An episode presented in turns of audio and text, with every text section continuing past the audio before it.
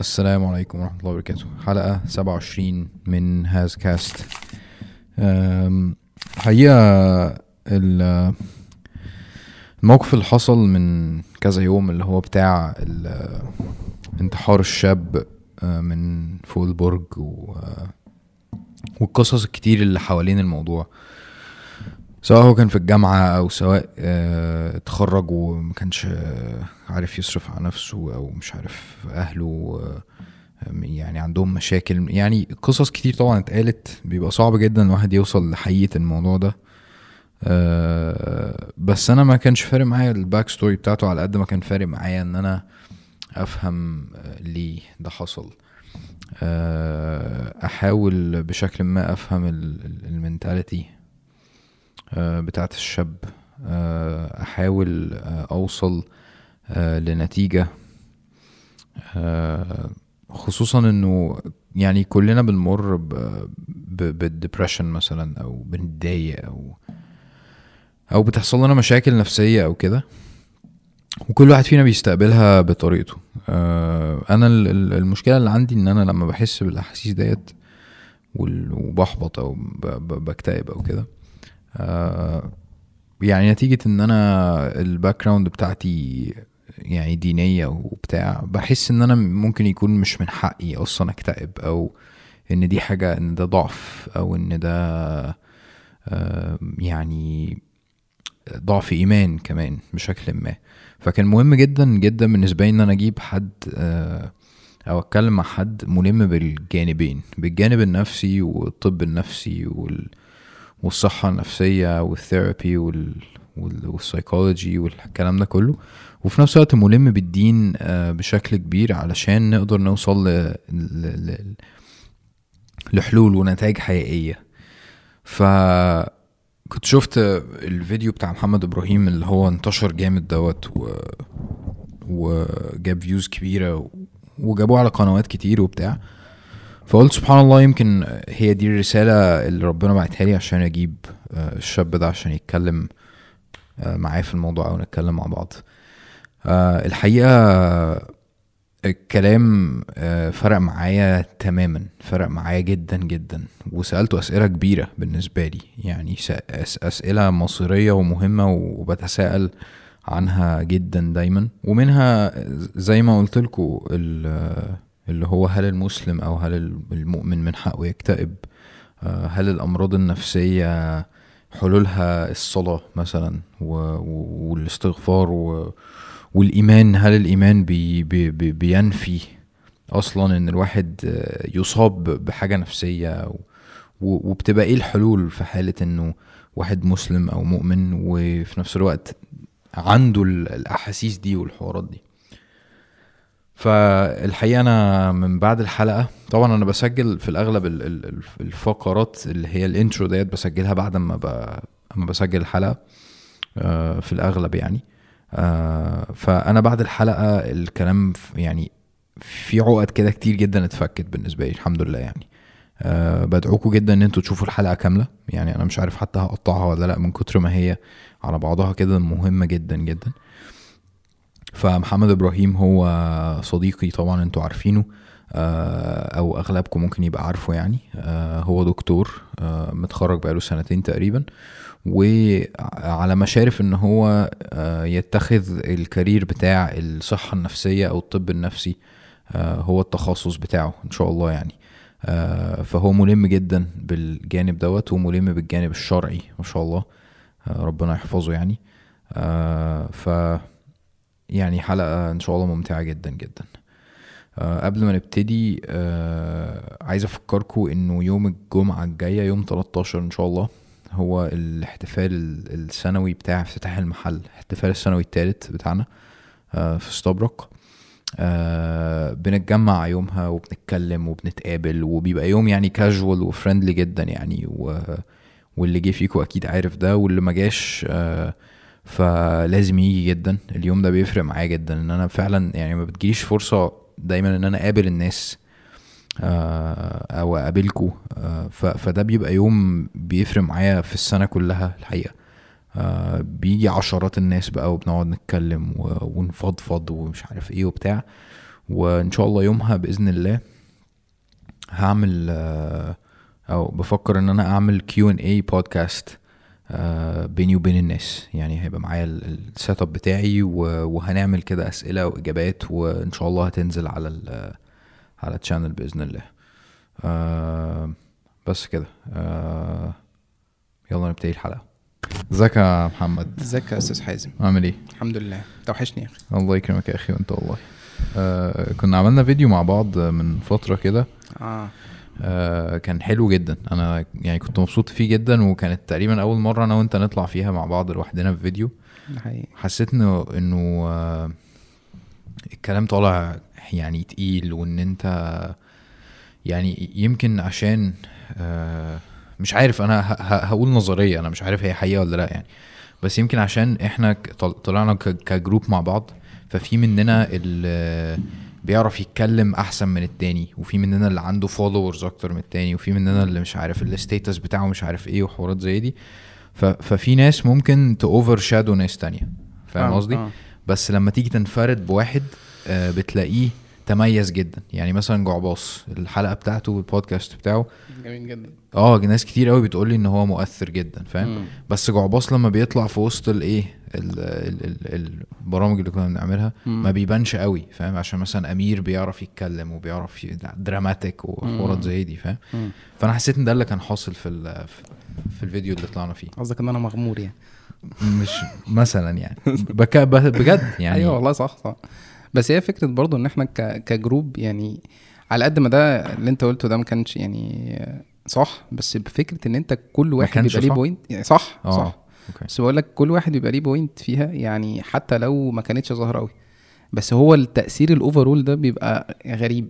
يعني ما فيش حاجة لحد دلوقتي أنا شايف إن هي أثرت زي تأثير وجود خمسة ستة مختلفين كل واحد ليه طاقة إيمانية معينة كل واحد ليه نقطة بيتكلم فيها كل واحد ليه strength معينة في كلامه مع بعض بيتكلموا في حاجة. أنا مش شايف إن في حاجة مهما كان كل واحد لوحده قوي مستحيل تبقى في حاجة في قوة ستة مجتمعين كل واحد ليه نقطة قوة. يمكن ما كناش عارفين نوجهها صح.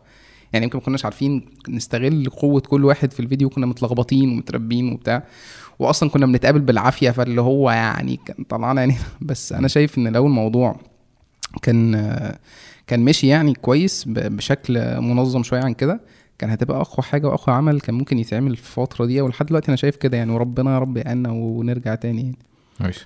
أنت إنت لسه متخرج قريب صح؟ سنتين سنتين مم. okay بس سنة فيهم كان لسه اللي هي السنة السابعة في ال- الامتياز، آه. الامتياز okay مم. آه فأنت آه أنت دكتور كويس الحمد لله بس في نفس الوقت أنت آه يعني أنا أنا برضو بجد صعوبة دايما إن أنا أعرف آه الجانب التاني مني اللي هو أنا public figure أنا YouTuber أنا مش عارف حوارات زي دي فانت إيه إيه إيه اللي انت بتعرف نفسك بيه؟ ما بعرفش نفسي بقى حاجة صراحة. أنا ما بحبش خالص إن أنا يعني كل الحاجات دي أنا بقاوم جدا إن هي شعور حلو قوي إن أنت يعني بابليك فيجر وفيديوهاتك بتشاف بالملايين والناس تشوفك تسلم عليك في الشارع. شعور يعني متملك من القلب يعني تحس إن أنت بت... الإنسان الطبيعي بيحب كده يعني. بس مخيف. يعني أنا أنا لما بلاقي نفسي بحب كده لما بلاقي نفسي بدور على كده بخاف. يعني إن ده في النهاية مهلك. حب الشهرة شيء مش مش صح تماما. إن أنت مش مش صح يعني مش صح إن هو يتملك منك ويبقى هو الدافع ليك اللي بيخليك تتحرك وتعمل فيديوهات أو تعمل أي حاجة أو تقدم أي حاجة. المفروض إن هو يعني شعور فطري ممكن يبقى عندك وأنت بتقاومه أو مش بتقاومه بشكل يعني بتقاومه بشكل صحيح. إن أنت تحطه في في مكانه الطبيعي إن هو حب فطري بس مش مش يعني مش هخليه يتغلب على قلبي ولا يحركني. يعني. زي ما ربنا سبحانه وتعالى قال زين للناس حب الشهوات من النساء والبنين والقناطير المقنطرة. حتى سيدنا عمر بن الخطاب كان بيقول في, في أحد الغزوات في توزيع الغنائم إن يا رب يعني الغنائم دي أنت حببتها إلينا. فسبحان الله هي حاجة مزينة للنفس. لكن لازم أنت تدفع الشعور إن هي تمتلك عليك قلبك وهي تبقى الدافع اللي بيحركك في كل حتة. فما بحبش أعرف نفسي بأي حاجة صراحة أنا حتى بتكسف أقول إن أنا دكتور. يعني اللي هو يجي يسألني محمد إبراهيم إن شاء الله ف... فلا يعني أنا لو حد لو بحب حد مثلا يعرفني على حاجة كده دكتور محمد وخلاص وبقولها إيه إيه اللي هو انجز يعني دكتور محمد وخلاص مش لازم مش يعني التعريف ده هيدل على إيه يعني يعني إيه إيه إن أنا دكتور بس بعرف الناس يعني الناس بتسأل عايز تعرف مين ده فبتعرف لكن أنا دكتور وبابليك فيجر ومش عارف إيه ف. زين يعني أنت عايز توصل إيه من رسالة إن أنا كذا وكذا وكذا إلا لو أنت بتقدم مثلا نفسك لحد عايز يعرف مين ده أو حاجة زي كده يعني.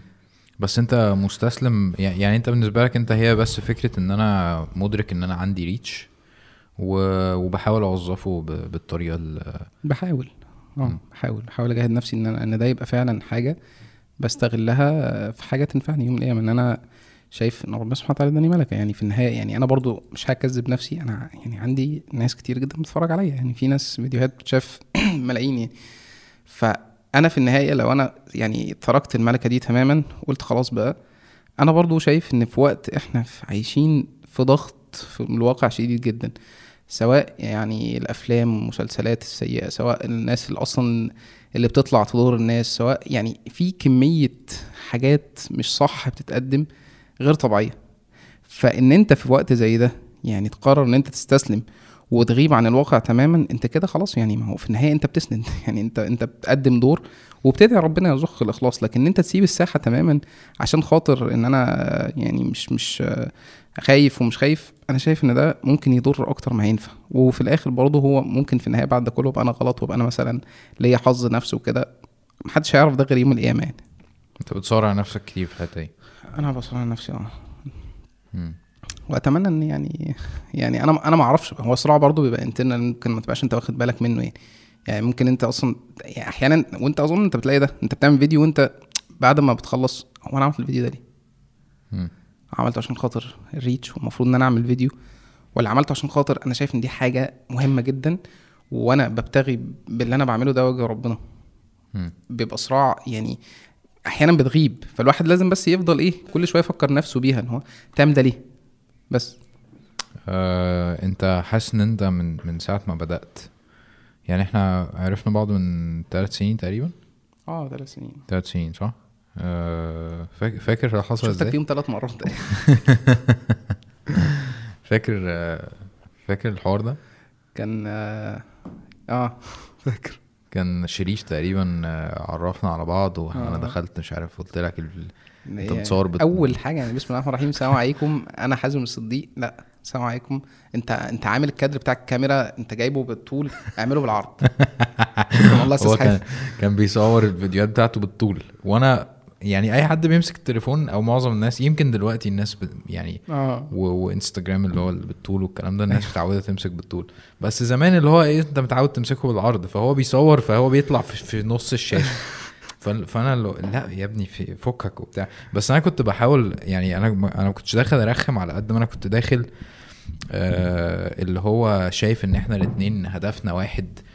آه في الدعوة وكده وعايزين وعايز انه المحتوى بتاعنا يطلع احسن حاجة هو أنا متأكد من كده وأنا أنا من ساعة ما عرفتك يعني أنا يعني مثلا الشباب قعدوا يحللوك وأنت شخصية ويرد وبتاع أنا أصلا ماليش في التحليل والحاجات دي أنا على نياتي حازم دخل كلمني آه الله حازم طيب قوي عارف الناس اللي أنا بثق في الناس بشكل مبالغ فيه يعني دي ال character بتاعتي يعني personality وكده.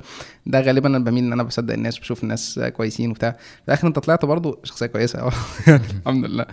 ومعرفتك معرفة كويسة جدا يعني أنا يعني معرفة الشباب كلهم معرفة فرقت معايا جدا.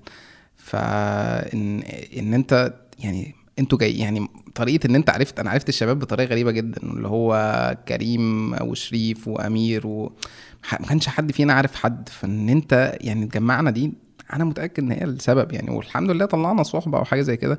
وأتمنى إن يعني ده يكمل. ان أنا شايف لحد دلوقتي يمكن إحنا أغلبنا مسحول وأغلبنا مش يعني حتى لو حبينا كل واحد عنده السحلة الذاتية بتاعته. لكن أنا شايف إن ده مهم جدا إن إحنا نرجع ونكمل يعني. آه ال- الفترة اللي انت طلعت فيها انت كنت بتتكلم في الدين بيور كويس؟ يعني انت كنت داعية قوي جدا و و... و... و... أنا ساعة تقريبا ما عرفتك انت كان عندك في حدود مئة ألف فولور أو يعني كان رقم كبير جدا ما شاء الله ساعتها. آه هل انت شايف انه طريقتك ورسالتك وهدفك آه عبر الزمن يعني آه اتغيروا؟ حاسس ان انت تخليت عن شوية حاجات حاسس إن أنت بقيت أقوى. يعني في فرق بين ساعة ما بدأت وبين دلوقتي؟ والله حازم يعني في فرق ممكن آه، يعني ممكن من الحاجات اللي فرقت كتير. أنا يعني أسلوبي اتغير. أنا بدأت طبعا أنت أنت لسه بادئ بتعمل فيديوهات وكده فأسلوبك لسه يعني بتعمل حاجات غلط. شايف أسلوبي اتطور جدا ك كوسيلة تقديم.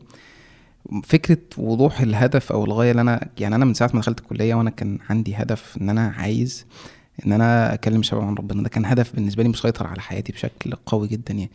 وكنت دايما أتصور إيه يعني إيه اللي أنا إيه أقصى حاجة ممكن أوصل لها مثلا إن أنا يبقى قاعد قدامي مثلا 20 30 شاب بدرس لهم وفي وسط الكلام ده أكلمهم عن ربنا. ده كان أكتر تصور ممكن أتصوره في حياتي.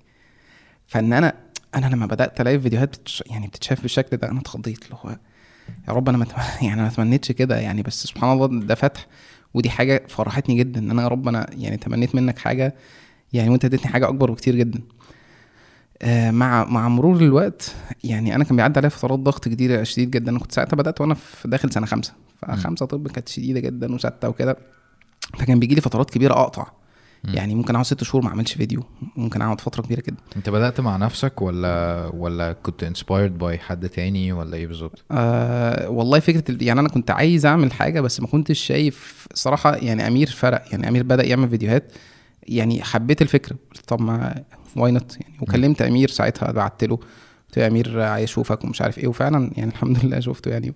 وفرق معايا كتير جدا. يعني طريقة امير كانت عجباني إن هو طريقه أنا كنت دايما شايف إن في فجوة كبيرة بين يعني إن الشباب محتاج يسمع حد حاسس بيه. يعني مم. هو شايف ح... يعني بيتكلم في المشكلة. عشان كده تلاقي ناس كتير جدا تقول لك أيوه هو ده بالظبط اللي أنا حاسس بيه. هو عايز يسمع حد يقول له اللي أنت حاسس بيه ويقول له يعني إيه إيه ده بقى. لكن كان بيسمع حاجات يعني هي بعيدة جدا عن الواقع بتاعنا. مش ما بفكرش في ده أصلا. مش هي دي مشكلتي. مم. فأنا كنت دايما حاسس إن في فجوة حد محتاج يوصلها.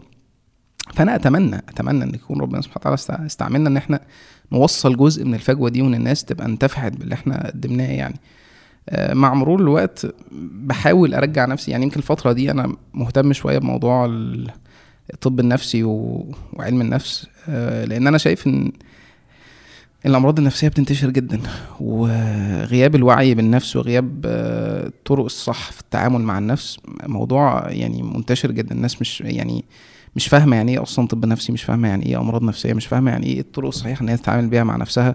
وأنا شايف إن الموضوع ده فيه جانب نفسي دراسات وكده بتتعمل وجانب ديني مهم جدا. فأنا لحد دلوقتي محتار أنت عارف الحيرة اللي أنا فيها إن أنا هل مثلا أنا أكمل في طريق أنا الحمد لله دخلت يعني امتحان رمض بتاع ال ICO اللي هو منظمة يعني International Council of Ophthalmology.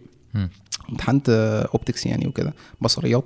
ونجحت فيه الحمد لله. ويعني ممكن يعني ممكن أكمل في career الرمد بس أنا مش عارف لحد دلوقتي هل ده. هو أحسن حاجة ولا إن أنا شايف موضوع برضه الطب النفسي وعلم النفس وال... ودراسة النفس والت... والتعامل معاها دي موضوع مهم جدا. و... وكمان ربط ده بالدين موضوع مهم أكتر. فالموضوع بيروح في الأفق وأنا عمال الفترة دي يعني أستخير كده وأستشير فيه. الله أعلم هترسى على إيه يعني. يعني أنت ال ال ال career بتاع الطب النفسي ده career choice يعني انت لازم لو دوست فيه هتف هتفك خالص ال ال دي من الحاجات اللي محيراني برضو دلوقتي إن أنا هل مثلا يعني يعني أنا بدأت أخد كورسز يعني في مثلا كو- كورس دبلومة طويلة يعني باخدها في cognitive behavioral therapy دي طرق من من يعني بتع يعني بتعرفك مداخل النفس وإزاي تتعامل معاها و وازاي يعني أغلب الأمراض النفسية بيبقى منشأها من رؤية غلط للنفس أو رؤية غلط للواقع. cognitive يعني إيه؟ cognitive يعني معرفي العلاج المعرفي السلوكي. إن أنت يعني بتشوف الشخص ده يعني بتقعد عن طريق يعني mechanisms أنت بتاخدها يعني بتدرسها إن أنت تعرف الشخص ده بيفكر في إيه إيه السبب اللي موصله للمشكلة النفسية اللي عنده سواء رؤية سيئة للوجود رؤية سيئة لنفسه سواء يعني إيه بتشوف إيه المشكلة وتبدأ أنت تغير له الرؤية دي. مم. يعني ناس كتير جدا أسباب اكتئابها أو أسباب المشاكل النفسية اللي عندها إن هو بيبقى رؤيته غلط لنفسه. هو شايف إن أنا مثلا آه، إنسان سيء جدا. شايف إن أنا إنسان آه، لا أستحق أي حاجة. خوف غير مبرر. هو مثلا عارف أنت أكيد عدى عليك فترة مثلا. كنت موقف صعب جدا وخايف خوف شديد جدا أو مش مؤمن بقدراتك في الموقف ده. هو عنده شعور دائم مستمر بحاجه زي كده. فبيبقى في رؤية غلط لنفسه أو رؤية غلط للناس. يعني واحد حصل له موقف من حد خذله. فانترنالي كده عمم إن كل الناس سيئين وكل الناس آه، غد- غدار مفيش صاحب مفيش حد صالح كله بتاع مصالح ولا. يعني هو بقت دي رؤية مستقرة جواه إن آه، إن فعلا الناس كلها وحشة. فما بقاش عارف يتعامل مع الناس تعامل طبيعي. وظيفة بقى يعني cognitive behavior therapy إن أنت بتوصل معاه لسبب المشكلة وبتبدأ تغير له ده. فهو لما بيتضح رؤيه الرؤية الغلط عنده بيبدأ الدنيا توضح. فنرجع للسؤال الأساسي هل أنا يعني قررت قرار نهائي؟ ما أعرفش. هل يعني هكمل في الرمض مثلا ومع الجنب ده هحاول إن أنا أتوسع بحيث إن أنا أبدأ أتكلم مع الناس وأشرح لهم إيه في يعني أعمل مثلا آه، محاضرات عن الموضوع ده ويعني كيفية التعامل زي مثلا في يعني أنا بح- بحضر محاضرة ممكن أعملها قريب عن ال stress management إن أنت ناس كتير جدا ال stress أصلا حاجة يعني طبية كويسة إن أنت أصلا يعني تتعرض لل stress. حتى كان في دكتور دكتور يعني في مش عارف في جامعة بنسلفانيا كان بيتكلم إن أنت ال stress هو بيعمل حاجة مهمة جدا إن هو بي يعني بيحطك في mode يعني بيسموه fight flight mode. إن أنت بتبقى في mode ال fight هو بيجهزك للقتال. إن أنت خلاص ايا كان بقى القتال ادرينالين بقى و... آه بالظبط. أنت خلاص أنت جاهز ال blood vessels بيحصل فيها يعني توسع وم... أنت بتبقى مركز جدا جدا. النقطة المحورية في الموضوع إن أنت بعد ده هل أنت بتتعامل مع الموضوع ك challenge ولا بتتعامل معاه ك threaten بس. مم. تهديد. يعني دي آه بالظبط. هل ك challenge أنت بتبدا يعني مخك بقى بيبدأ يدور على بيبدأ يدور على حلول للموضوع وبيبدأ إن هو يشوف إيه أحسن عايز ترد رد. لا، لا،. نعم. إن هو يشوف أحسن طريقة للموضوع وإن هو يشوف حل للموضوع ده فبيبدأ ساعتها بتاخد أحسن يعني حاجة من نفسك. okay. أو تتعامل معاه ك threat بقى وخوف يعني واحد طالع مثلا هيتكلم محاضرة قدام ناس. خلاص ال- ال- ال stress جهزه إن أنت يعني خايف و- ومشدود وبتاع ودلوقتي خلاص ضغط الدم بقى وال- والدم عمال يتضخ في المخ وبتاع خلاص بقى على آخره. في واحد هيقابل ده ك challenge إن هو طالع إن هو خلاص أنا يعني ده challenge ولازم أوصل لأحسن نتيجة منه. ويطلع فعلا فده بيديله قوة ال stress في واحد تاني العكس بيبقى threat ويطلع بقى يتوتر و... ويلكم في يعني وتلاقيه بي- بيعيد كلام كتير وتلاقيه مش عارف يوصل. فاهمة جدا. أنت عارف الأزمة الكبيرة إيه؟ آه اللي بيجي في بالي. أنا أنا برضو مهتم جدا بال بال بال mental health والحوارات دي وبقرأ فيها كتير وبتاع.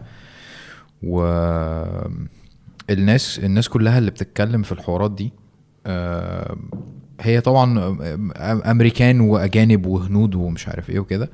فمعظمهم آه الناس الناجحة قوي فيهم يعني في واحد اسمه سام هاريس مثلا. عارفه.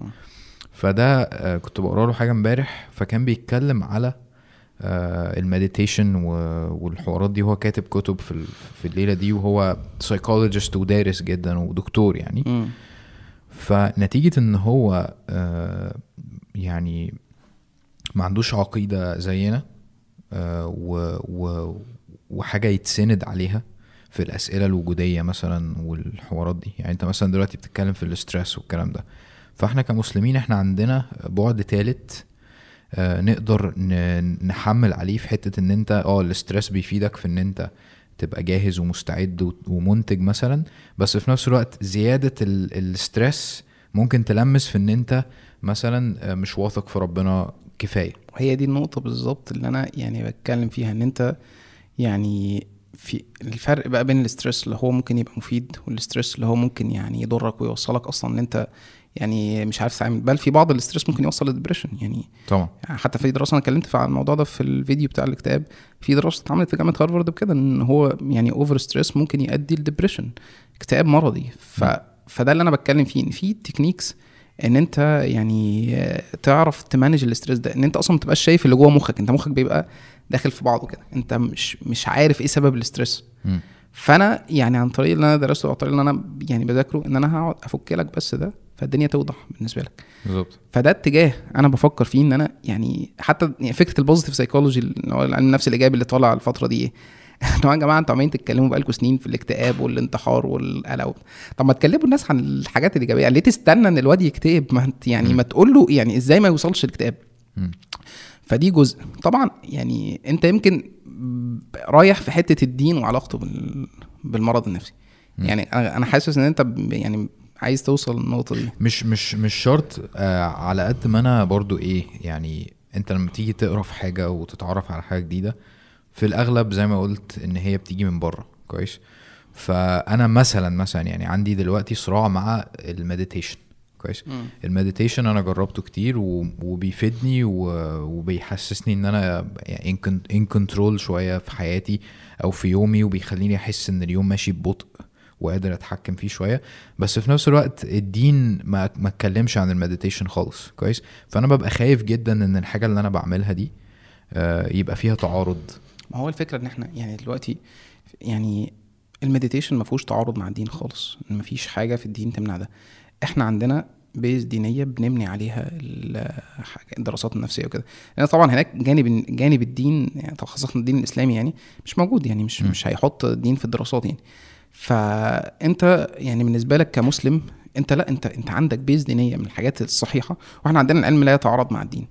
العلم والدين هم أصلا حاجة واحدة العلم من عند ربنا سبحانه وتعالى والدين من عند ربنا سبحانه وتعالى فهم لا يتعارضوا. okay. فأنت بتشوف الدراسات اللي هي مبنية على بحث ميداني صحيح ونتائجه أكيدة هل في ما فيهاش تعارض خالص مع أي حديث؟ وده في الغالب يعني لحد دلوقتي أغلب الحاجات الطرق اللي أنا شفتها مثلا في stress management أو في علاج ال depression حاجة زي كده مش أي تعارض منها مع الدين. زي إيه مثلا؟ زي مثلا الأدوية ال medications بتاعت ال depression دي ما ما فيش أي مشكلة فيها دينيه طالما الموضوع ثبت فعلا إن أنت ممكن العلاج ده ودي من الحاجات اللي غايبة عن الناس أصلا. ممكن يعني إيه أصلا مرض؟ يعني إيه دواء للمرض النفسي. إيه؟ لا في دواء للمرض النفسي.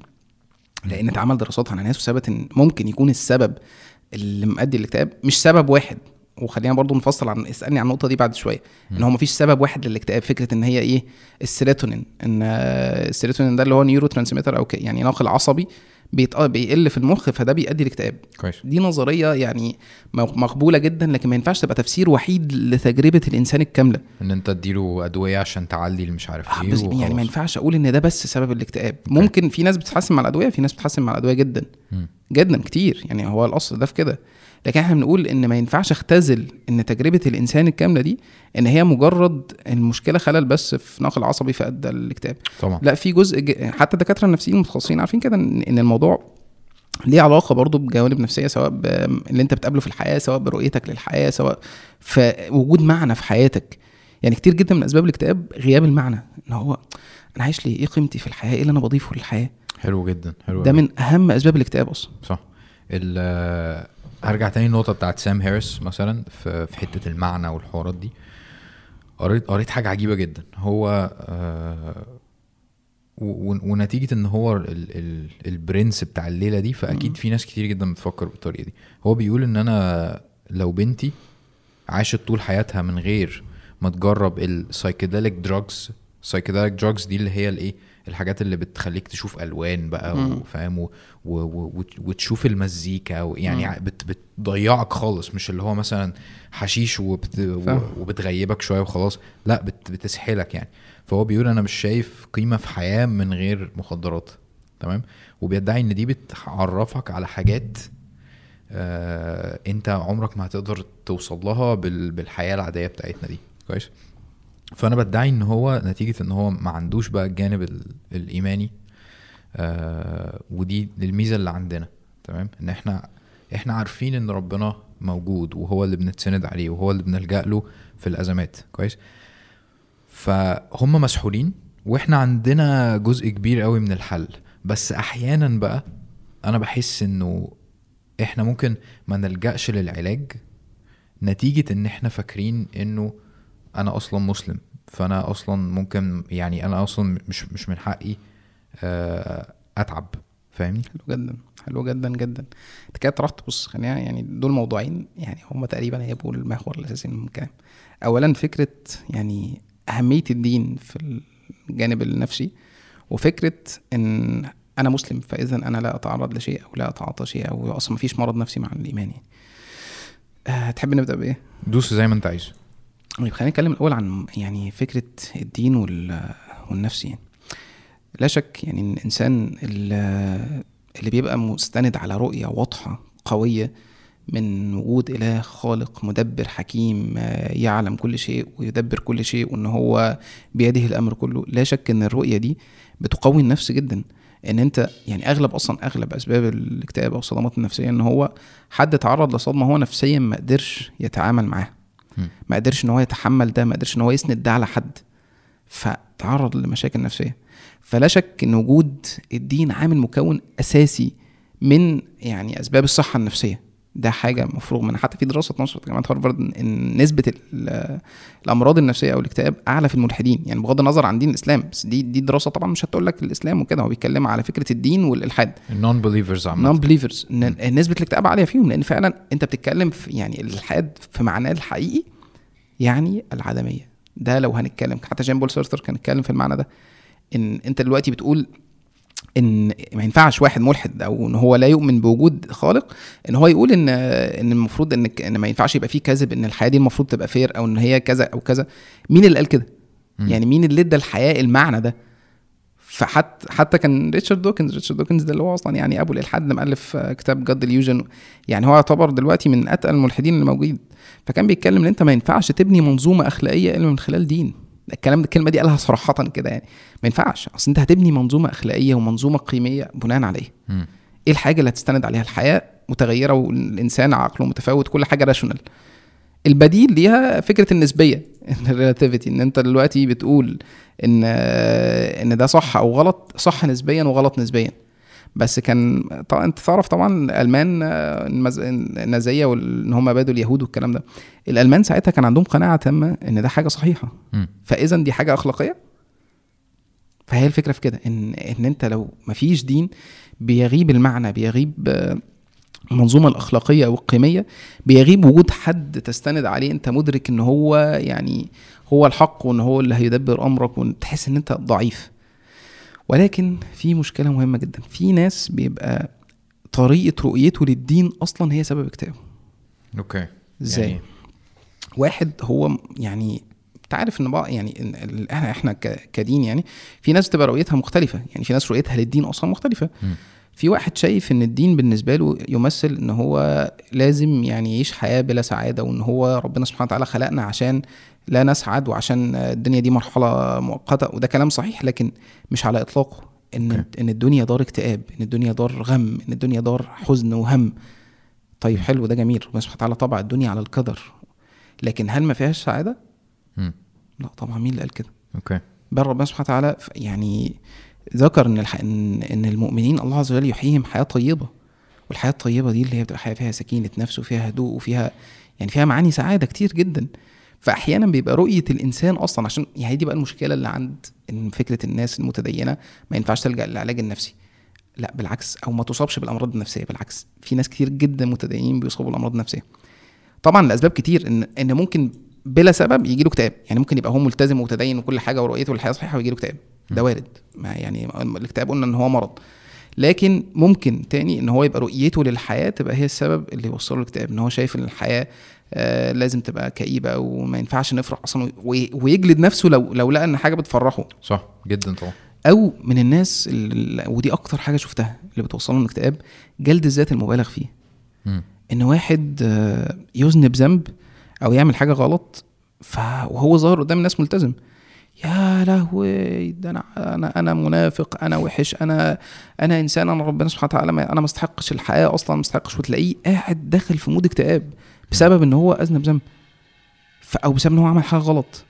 ودي رؤية غلط تماما ربنا سبحانه وتعالى ما قالش في أي آية في القرآن إن الإنسان معصوم بل بالعكس يعني الأصل الصحيح إن النبي صلى الله عليه وسلم قال لو لم تذنبوا لذهب الله بكم. النبي صلى الله عليه وسلم قال لو لم تذنبوا لخفت عليكم مما أكبر ما هو أكبر من ذلك العجب.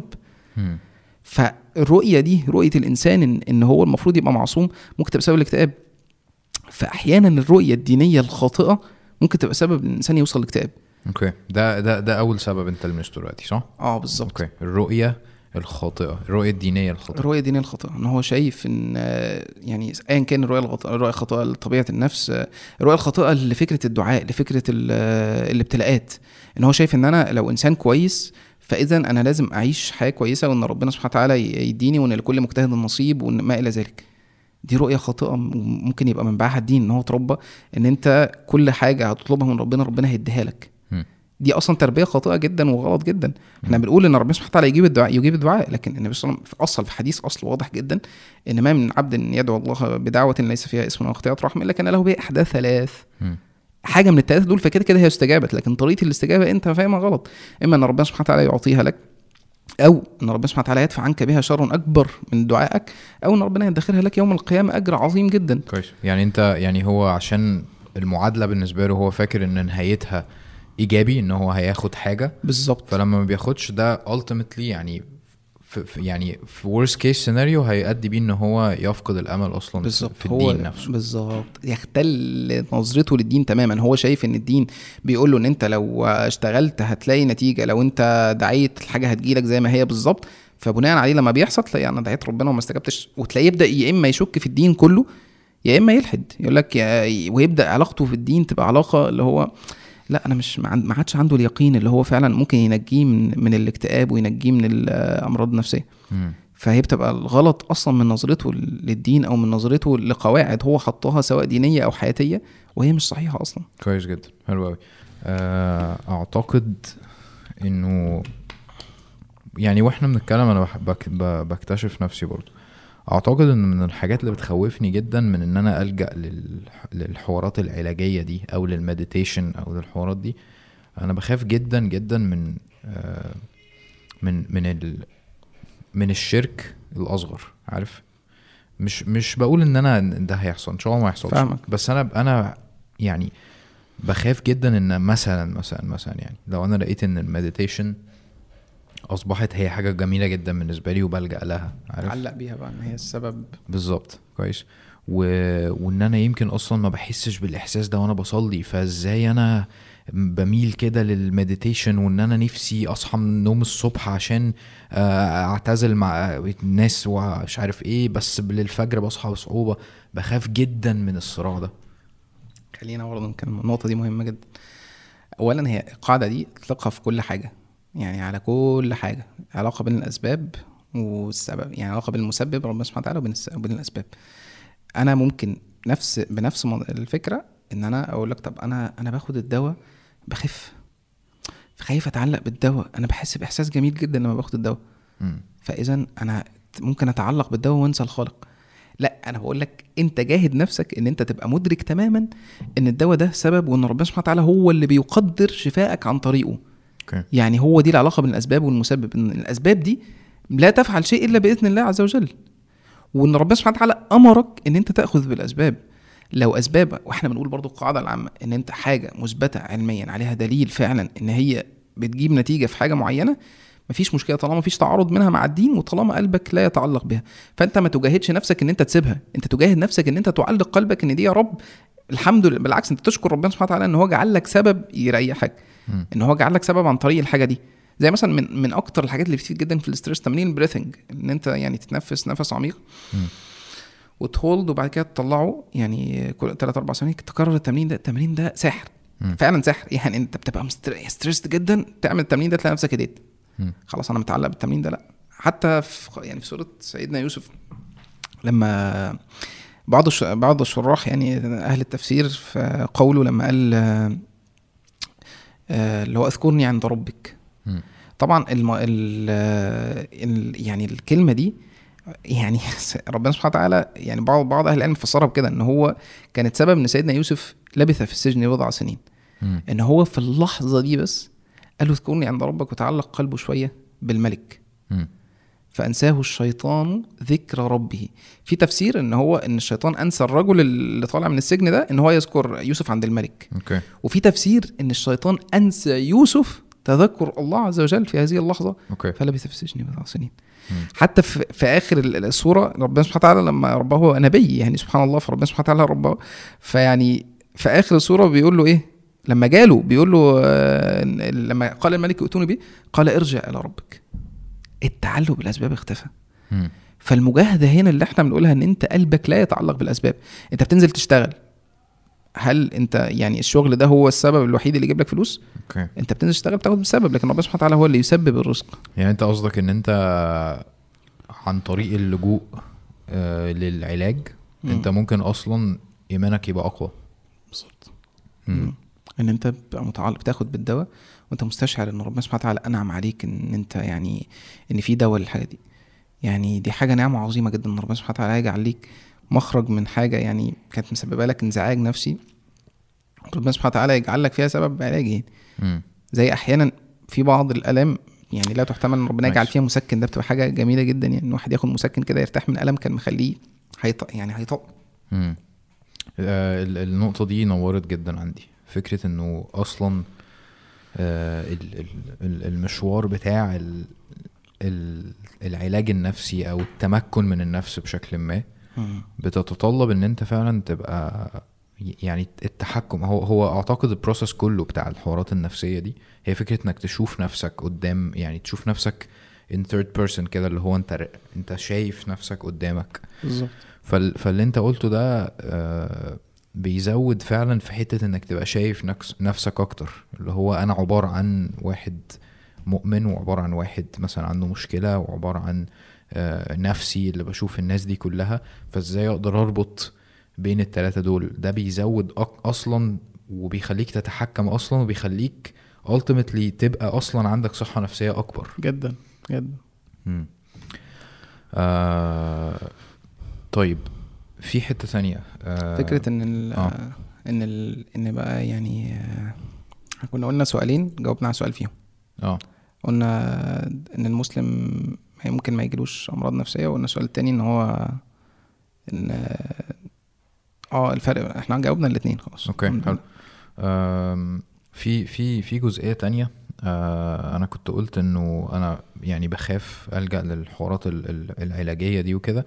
ففي في جزء تاني ال يعني مؤخرا بقت إيه كل الناس بتدعو إن أنت لازم تهتم بالصحة النفسية والحوارات دي. بس في مشكلة إنه لما أنت بتبقى عارف إن اللي عندك ده ليه اسم كويس؟ ممكن أصلا ما يكونش عندك الحوار يعني بس بس في شوية إيه set of symptoms كده الناس بتقول إن أنا مثلا بحس إن أنا بيجي لي حموضة وبقى عندي أرق ومش عارف أنا عندي الحوار ده. فبت فأنت بتحسس نفسك إنك مريض. دي أزمة كبيرة جدا جدا جدا. يعني يمكن من الحاجة الوحيدة ال- يعني في مشكلة في موضوع التوعية يعني التوعيه بالأمراض النفسية حاجة أساسية. لازم الناس تفهم مرض نفسي يعني تفهم إيه طبيعته وتفهم الأمراض النفسية. لكن أحيانا النفس بتميل إن هي تحط نفسها في قالب. إيه ده؟ يعني أنا لما عملت فيديو الاكتئاب ممكن واحد يبقى عنده يعني الفيديو مهم مهم جدا لأن الناس أصلا مش فاهمة يعني إيه اكتئاب ممكن تتعامل مع المكتئب تعامل يعني يدمره. لكن في واحد يسمع الفيديو ده وهو مثلا حالته النفسية تعبانة شوية متضايق شوية بقاله كام يوم يقول لك إيه ده؟ أنا عندي كل الأعراض دي. هو نفسه بتحب تميل إن هو يتقولب إن هو أنا مكتئب. هو يعني في نظرية كده في النفس إن هو الإنسان كائن اقتصادي إن هو يعني أنا أنا دلوقتي بدل ما أقعد أنزل وأتعب وأجيب في لا أنا مكتئب. أقعد في البيت أحسن. فطبعا أزمة إن واحد يحط نفسه في قالب يعني يمكن الفرق عشان كده يعني في دليل تشخيصي بتاع ال DSM في ده اللي هو بيتكلم عن آه، يعني الأعراض النفسية لكل مرض يعني. وفي حاجة مهمة جدا يعني إن أنت فكرة إمتى أنت فعلا من جواك أنت مش قادر تواجه مم. انت مش قادر تمارس دور أساسي ليك انت مش قادر تشتغل. فعلا مش قادر. يعني انت مش حطيت نفسك في المده انت قاعد عادي طبيعي جدا. مش قادر. انت بتحاول بتحاول تركز ما تركزش انت بتحاول تتعامل مع زوجتك طبيعي ما بتعملش. بتحاول تتعامل مع أبوك انت ابن مثلا. مش عارف تتعامل مع الناس. فقدت الشعور يعني إن انت تعرف تت... تمارس حياتك الطبيعية. لأن الإنسان عنده قدرة غريبة جدا على التأقلم. يعني ممكن إنسان يعني يجيله أدوار آه، حزن واكتئاب مؤقت ويعدي منها. لكن إن أنت توصل لمرحلة ال- العجز التام عن إن أنت مش عارف تعمل حاجة هو ده الألارم. إن أنت لأ أنت لازم تستشير بحد تستشير حد إن أنت تروح لدكتور نفسي يساعدك على ده. فدي أنا شايف إن ال alarm ده يعني مهم جدا الناس تفهمه. زائد طبعا بقى مع الاكتئاب أكبر alarm طبعا الواحد يحس بأفكار انتحارية أو ان هو عايز ينهي حياته أو إن هو مثلا حياته بلا قيمة أو فكر في الانتحار ده يعني أهم حاجة ما ينفعش واحد يوصل للدرجة دي ويسكت على نفسه. okay. قول لي كده إيه انواع الدكاترة النفسيين؟ لأن انت كنت بتتكلم إن في psychiatrist و psychologist و therapist هو في يعني الطبيعي ان إن في تعاون بين ال psychiatrist وال psychologist ال psychologist ده هو واحد آه، بيبقى دارس يعني بيبقى المفروض إن هو بيتعامل معاك آه، عن طريق جلسات علاج معرفي سلوكي ويوصل معاك ل- لسبب المشكلة وي- يعني بيعالجك emotional يعني إن هو يتكلم معاك وي- ويوصل لسبب المشكلة. كمل. ويوصل لسبب المشكلة ويحلها معاك عن طريق جلسات متكررة كام جلسة على حسب المرض يعني. الدكتور اللي هو ال psychiatrist ده, دكتور دارس آه، يعني أعصاب ودارس آه، ال hormones والنواقل العصبية يعني هو ده وظيفته أصلا طبيعي طبيعي إن هو يديك دواء. يعني هو الطبيعي إن هو بيشوف بيقعد معاك عشان يشخص ويتأكد من التشخيص وبناء عليه يديك دواء. فالمفروض إن يعني الطبيعي إن بيبقى في تعاون بين الاثنين يعني في أغلب آه، البلاد بره بيحصل كده إن يبقى في psychiatrist وبيبقى في psychologist في psychologist بيتابع معاك العلاج المعرفي ان أنت بت- بتحكي وبيسألك ويوصل لسبب المشكلة وفي نفس الوقت بتاخد الدواء اللي هو أصلا ممكن يعالج المشكلة توتال يعني. كويس. بس. حلو. آه هل هل هل آه، ال- الحوار بتاع الثيرابي ده في ناس كتير بتشوف إن هو رفاهية؟ عارف؟ والله بص يا حازم يعني مش لا مش رفاهية خالص. في ناس فعلا يعني هو يعني هو مش هو طريقة رؤيته يعني هو عنده مشكلة ممكن ما يكونش هو هو مدركها أصلا. هو عنده مشكلة مدمرة له حياته عنده عنده طريقة رؤية معينة للحياة أو لنفسه أو للناس. هو مش يعني هو مش شايفها أصلا. هو مش شايف إيه سبب المشكلة بس هو هو مخنوق. هو مكتئب. هو مش عارف يتعامل مع الناس. هو مش عارف يتعامل مع الحياة. مش عارف يتلقى الصدمات. يعني هو هو عنده مشكلة هو مش عارف يعالجها. فلا هي مش مش حاجة رفاهية خالص. بالعكس أنا شايف إن هو هو المعالج النفسي ده بيبقى واحد مختص عارف إن هو يسألك عن طريق أسئلة معينة وعن طريق جلسات معينة إن هو يوصل معاك لسبب المشكلة دي. فلا مش دايما بتبقى رفاهية. أوقات ممكن تبقى رفاهية إن عادي يعني واحد مثلا يعني عايز يحسن من رؤيته للحياة مثلا أو حاجة زي كده ماشي it's okay لكن لا طبعا في ناس بيبقى عندهم مشاكل نفسية محتاجة إن هي يعني يعني تعدل لهم السبب عشان يقدر يتعامل طبيعي مع الواقع يعني.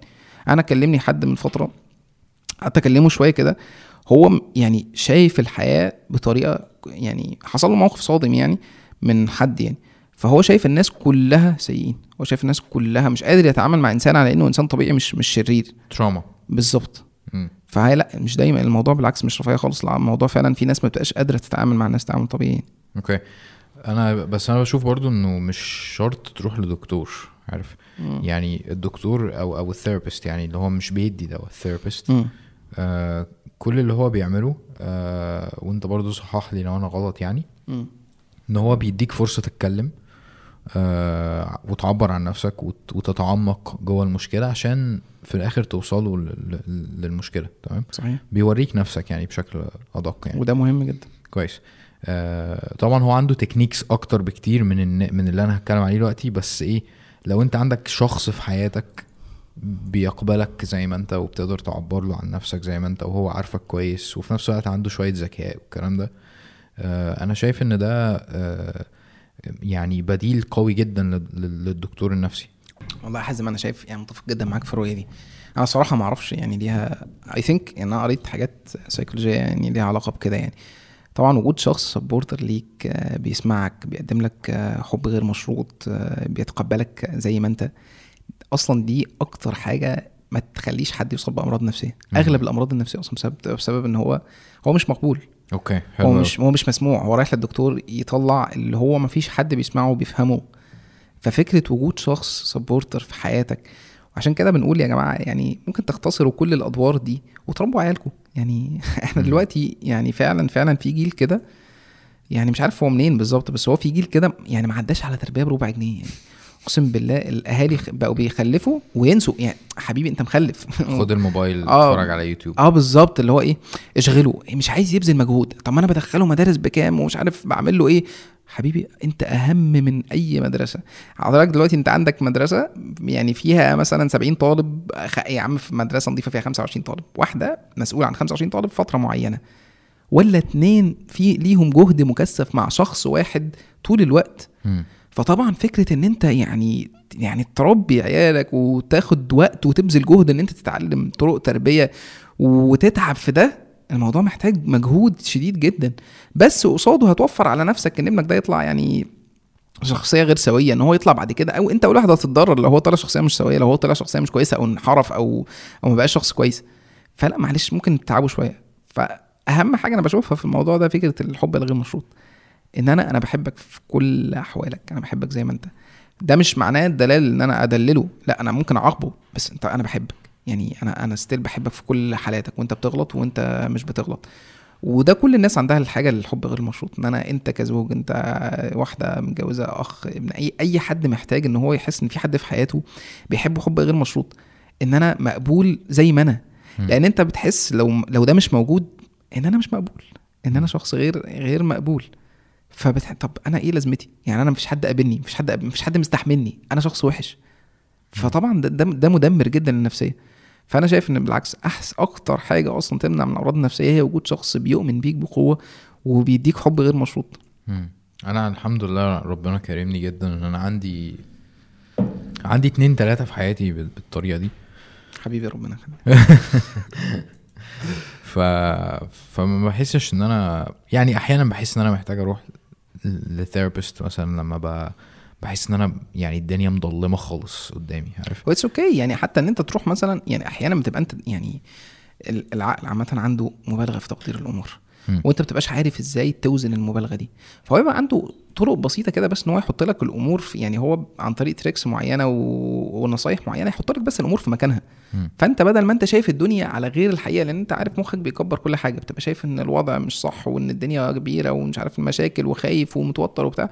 هو ممكن ب tricks بسيطة جدا يلم لك كل ده وانت تعرف تكمل يعني. مم. صح. آه، انت انت بتذاكر إيه دلوقتي في السايكولوجي غير ال course دوت؟ أو إيه الأفرع ال- الموجوده أصلا؟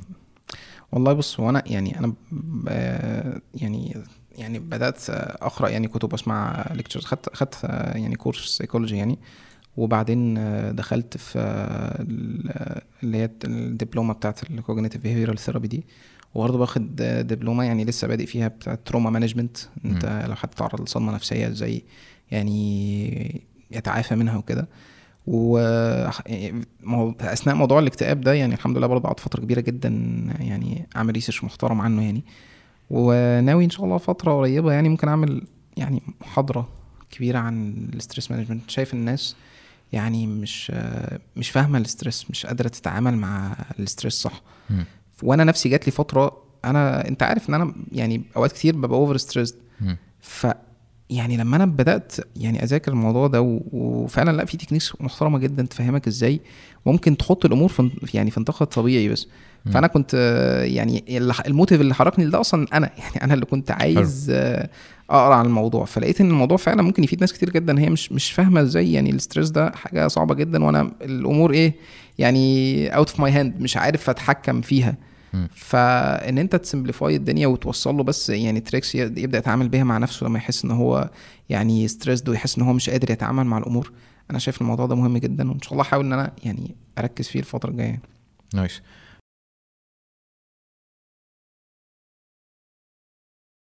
آه أنا أنا أصلا مش يعني آه من, كام يوم آه لغيت كل ال social media apps اللي عندي. أنا بقالي بتاع 3 4 شهور أصلا ماسح فيسبوك ما بخشش عليه ولا حاجة. وبعدين من كام يوم حصلت لي يعني downfall رهيبة كده. كنت قاعد شغال وبتاع وبعدين فجأة لقيت نفسي مش يعني متدمر فاهم؟ مفيش أي هدف مش مش عايز أعمل حاجة. يعني اكتئبت جدا جدا. كويس.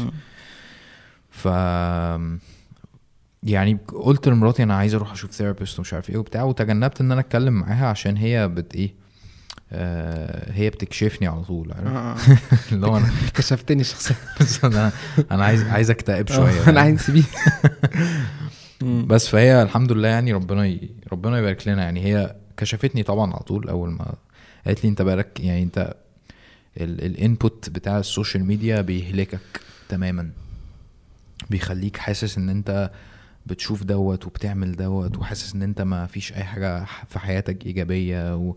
ونجاحات الناس بتخليك حاسس إن أنت نجاحك فكسان والكلام ده كله فأنت محتاج آه، محتاج محتاج تفك ده باختصار شديد. كويس. فأنا أدركت إن أنا بقالي فترة كبيرة فعلا باخد input كبير قوي ولدرجة إن أنا ما بسمعش نفسي عارف؟ وعشان كده سألتك السؤال بتاع هل أنت حاسس إن أنت اتغيرت من الأول ولا لأ؟ لأن كنت بتفرج على كام فيديو ليك من قبل ال vlogs حتى. كنت بتكلم في الدين بقوة و... وحاسس إن أنا عندي هدف والشاب ده كان جامد عارف؟ يعني كنت حاسس إن أنا كده إيه أسد صغير كده عارف؟ ومع الوقت حسيت إن أنا هدفي راح ونتيجة ال... إن أنت بتقعد تتفرج على فيديوهات وتقرأ حاجات و... وتشوف الكلام ده كله الكلام ده بيخليك يعني بي... بيقول لك تبقى إيه؟ بشكل ما عارف. فأنا. أنا أنا مؤمن تماما دلوقتي آه بعد ما بقالي كذا يوم دلوقتي التليفون بتاعي دلوقتي عبارة عن مكالمات اللي هي ما بردش عليها تقريبا يعني وواتساب بس. ولا بتردش. عليها برضه. ما بردش عليها برضه. غير لما تبقى محتاج. و... و... و notes مثلا لو بعمل notes و scheduling وحوارات زي social media فاكس تماما. ب post من على اللابتوب عشان الشغل وعشان ستوبرك والحاجات دي وقافل ده خالص. ده مصدر أساسي للسحلة اللي إحنا فيها الأيام دي وللاكتئاب اللي إحنا فيه الأيام دي. أنت يعني الموضوع ده مهم جدا. أنا أصلا يعني إن شاء الله هعمل فيديو عن الموضوع ده يعني قريب يعني. آه، ال social media مدمرة. ال social media حتى في دراسات نفسية اتعملت الموضوع في دراسات اتعملت على 5000 شخص. لقوا إن يعني الموضوع بيأثر على satisfaction of their lives. يعني هو بيحس أصلا مع الوقت هو بقى في حاجة اسمها FOMO أو fear of missing out. مم. هو دايما متابع آه، الناس شايف ده انستجرام بالذات يعني داخل. شايف ده مسافر وده ودي بتتجوز ودي آه، بتطير وده influencer مع فلوس بالهبل ودي فومو fear of missing out يعني الخوف من إنك خوف من إن أنت يفوتك يفوتك إن أنت فأنت حاسس إيه ده؟ إيه اللي أنا فيه ده؟ أنا فاشل. أنا وحش. أنا متأخر. أنا متاخر فعلا صح. جدا. تحس إن أنت الدنيا بتجري بسرعة. وهي دي ظاهرة أصلا معاصرة فكرة السرعة الرهيبة دي. فالإنسان مبقاش عنده وقت لنفسه. فأنت أول حاجة فكرة ال social media يعني ال social media مدمرة جدا إن أنت يعني تتعامل معاها لأن أنت فعلا أنت بتق... غصب عنك بتقارن.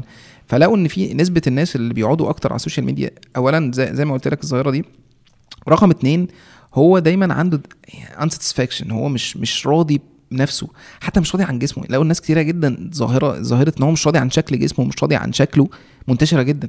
هو شايف برضو آه، كل الناس اللي بتنزل صورها يعني ده مش عارف six packs و models وبتاع. فيبص لنفسه لا أنا أنا إيه ده؟ ده أنا دبدوب فاللي هو يعني طب هو مين قال أصلا إن ده ال ideal يعني مين. قال إن ده؟ حتى برضه من الظواهر المنتشرة جدا فكرة إن أنت باربي إن هو إيه؟ ال market عايز يخلي ال- إن الظاهرة دي الجسم اللي بالشكل ده هو ال ideal. مين اللي قال إن ده ال ideal؟ فبالتالي ال- الناس بقت تكتئب لما ما يوصلش لل ideal. فطبعا ال social media لقوا إن الناس إن كل حاجة هي ما بتأديش لاكتئاب direct بس بتوصل لكل الحاجات ال- اللي هتوصلك لاكتئاب.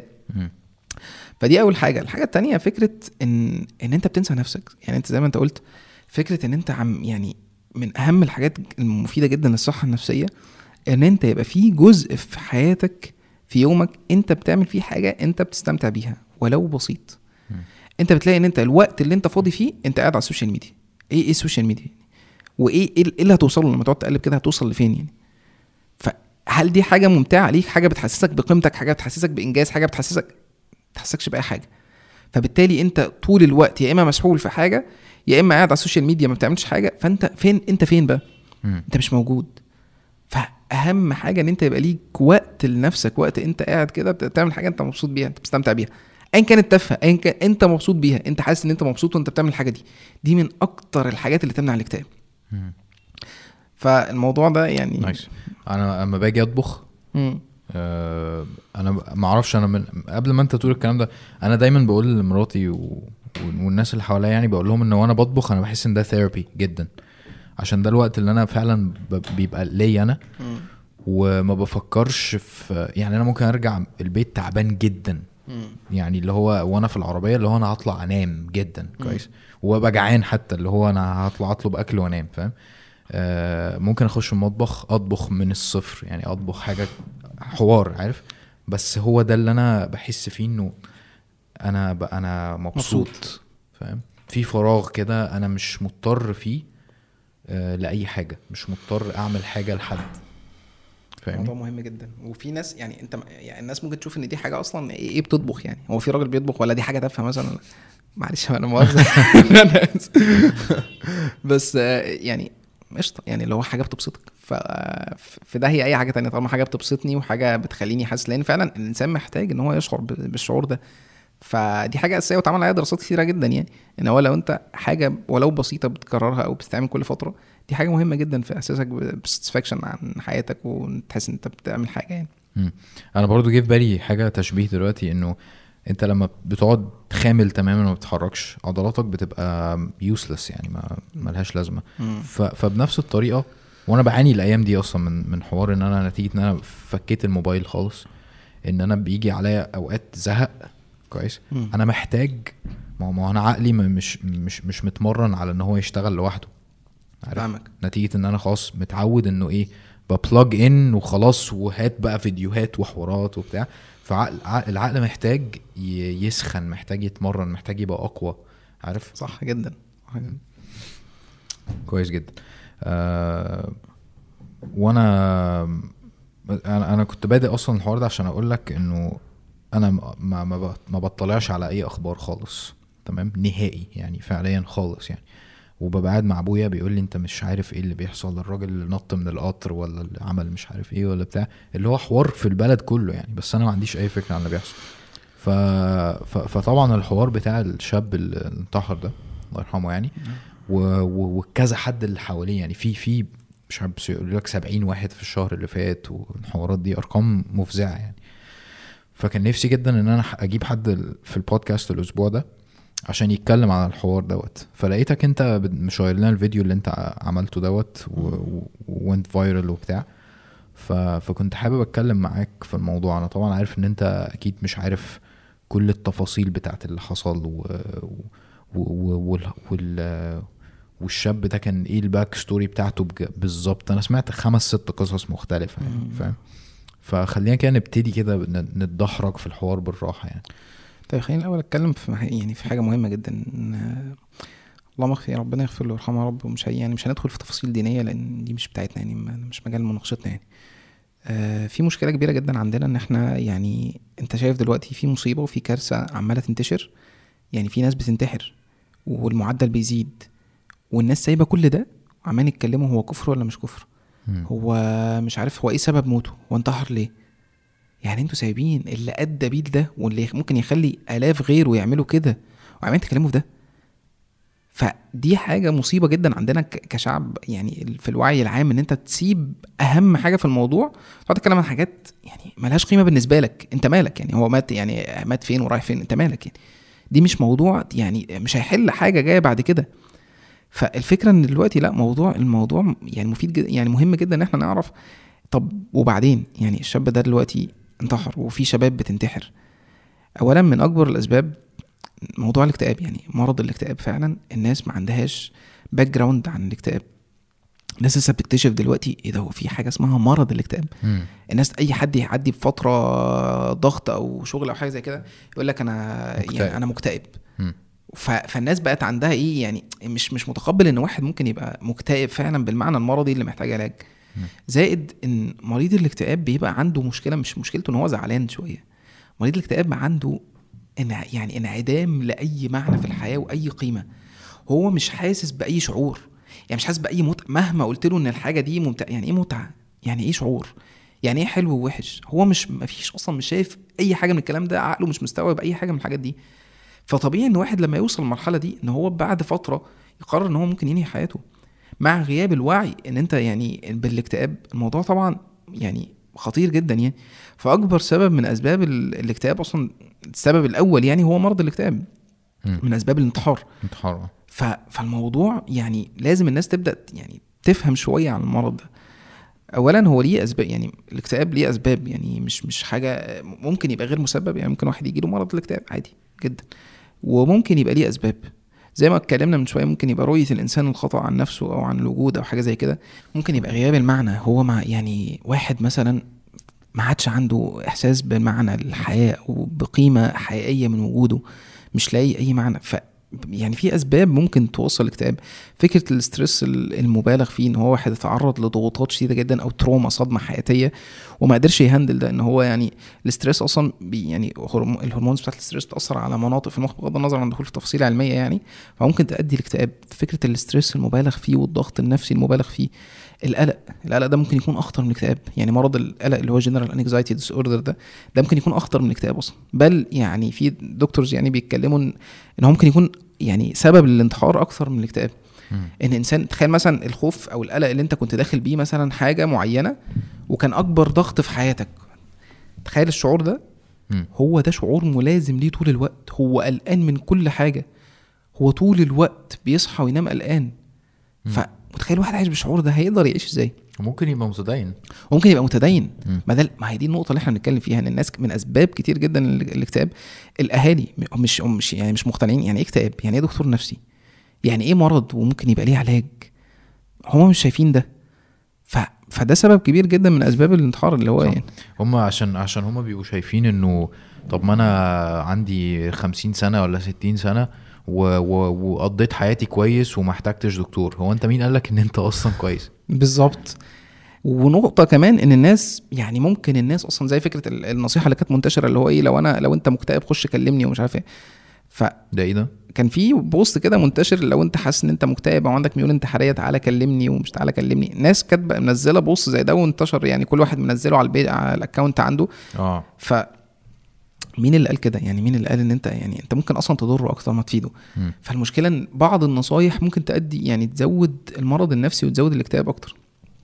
يعني مثلا من الحاجات المنتشرة جدا إن أنا أجي لمريض الاكتئاب وأقول له يا ابني يعني أنا عايز أخفف عنه ويبقى نيته صادقة.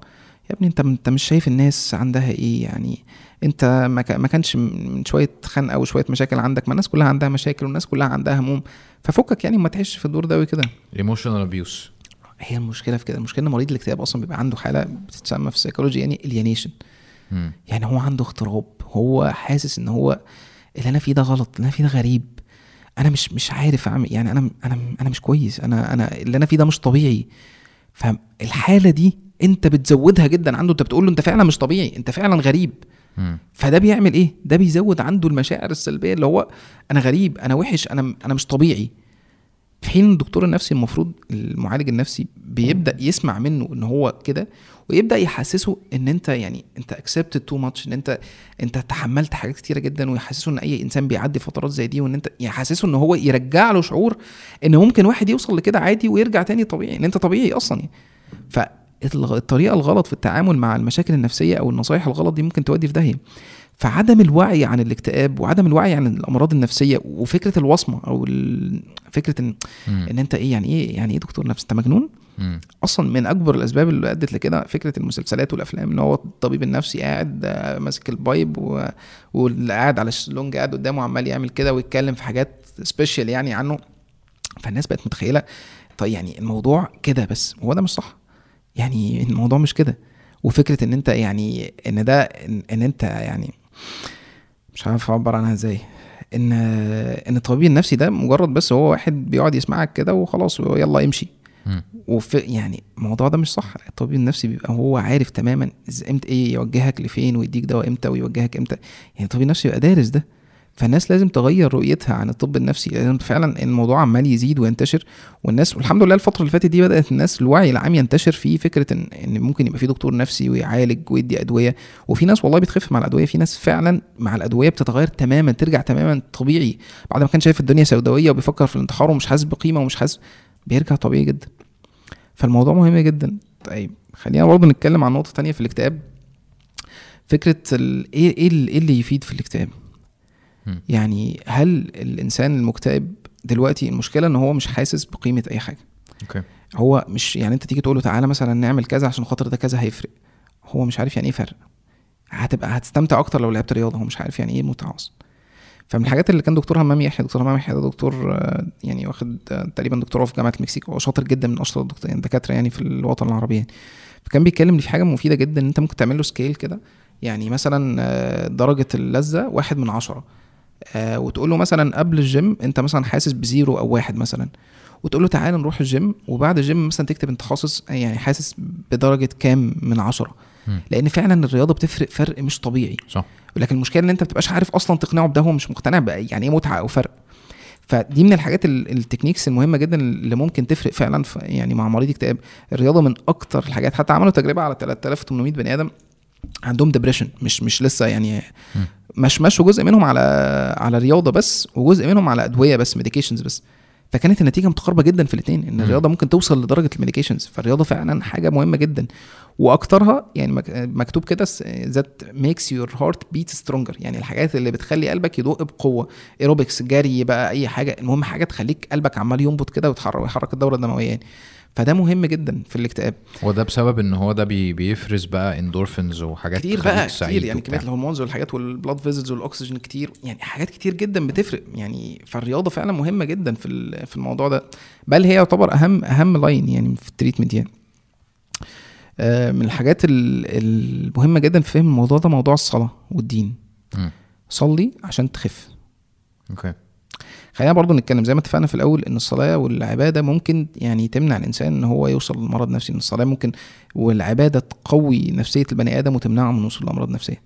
لكن لما أجي أقول لمريض اكتئاب فهمت ان فهمتك أنت يعني صلي عشان خاطر تطلع من اللي أنت فيه. يعني إيه اطلع من اللي أنا فيه؟ بت- بتربط العلاج بالصلاة فهيفقد الامل في الصلاة. بالظبط. هو أصلا مش مدرك يعني إيه يعني إيه- يعني إيه أطلع من اللي أنا فيه؟ قلت لك هو فاقد الإحساس. فأنت لما تيجي تقول له صلي عشان تحس يعني إيه أحس؟ مم. انت بتقولي إن وبيزود عليه الشعور إن هو أنا وحش. أوكي. يعني أنا ما بصليش. فعشان كده أنا جالي ده. طب أنا بصلي. ما في ناس ملتزمين وبيجي لهم ده. مم. فالفكرة إن الموضوع فعلا يعني مش النصايح المنتشرة عند الناس اللي ممكن تأدي بيه لكده. يا ابني ارجع لربنا وصلي واعبد ربنا كده. أنت يعني أنا عارف هو ده سبب الاكتئاب. لا ده ده نصيحة غلط تماما ما ينفعش تتقال.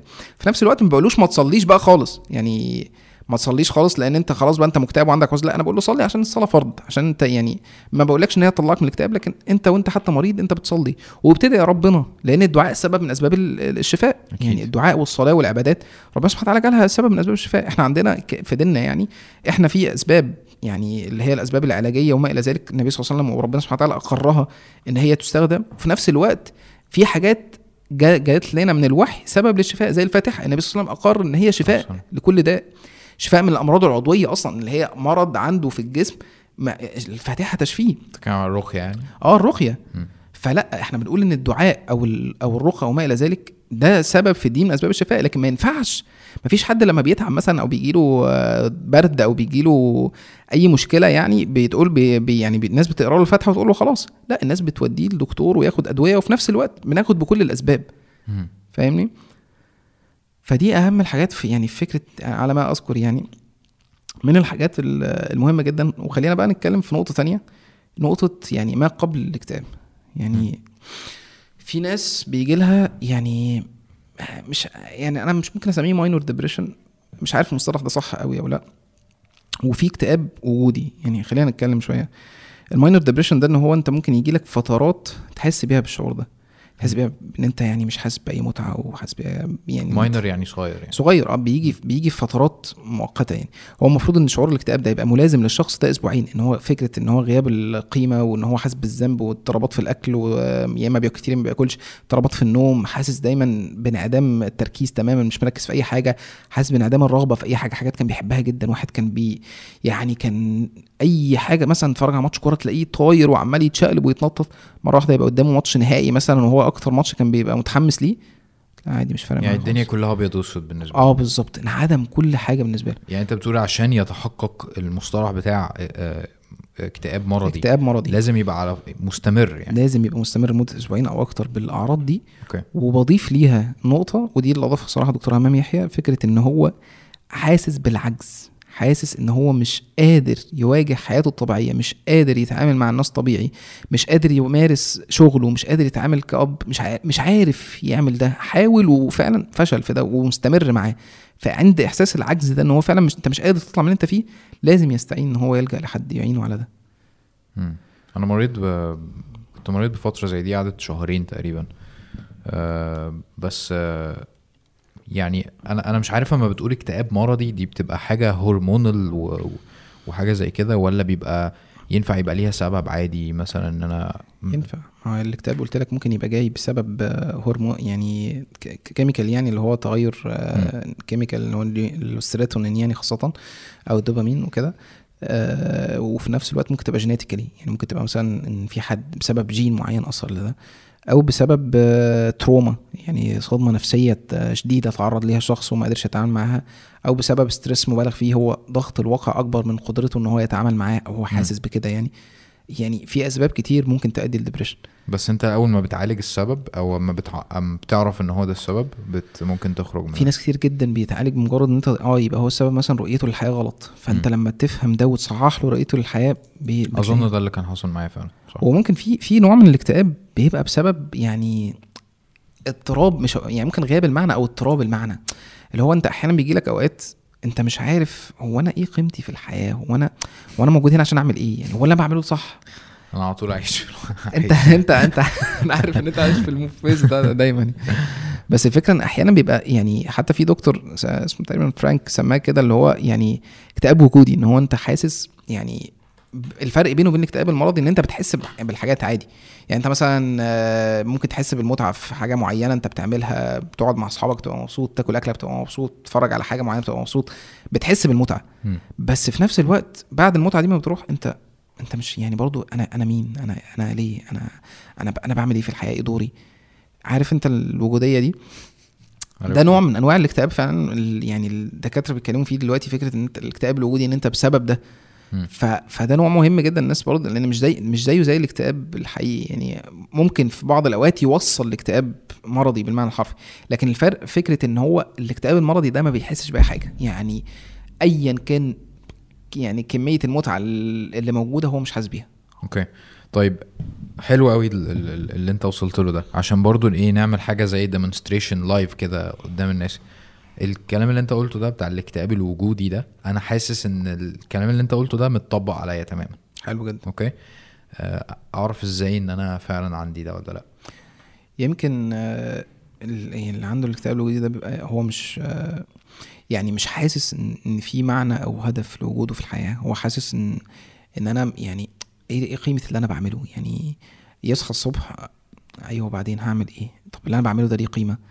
ف يعني يمكن أكبر أكبر حاجة واضحة ليه هو فكرة غياب القيمة أو غياب المعنى. إيه معنى الحياة أصلا؟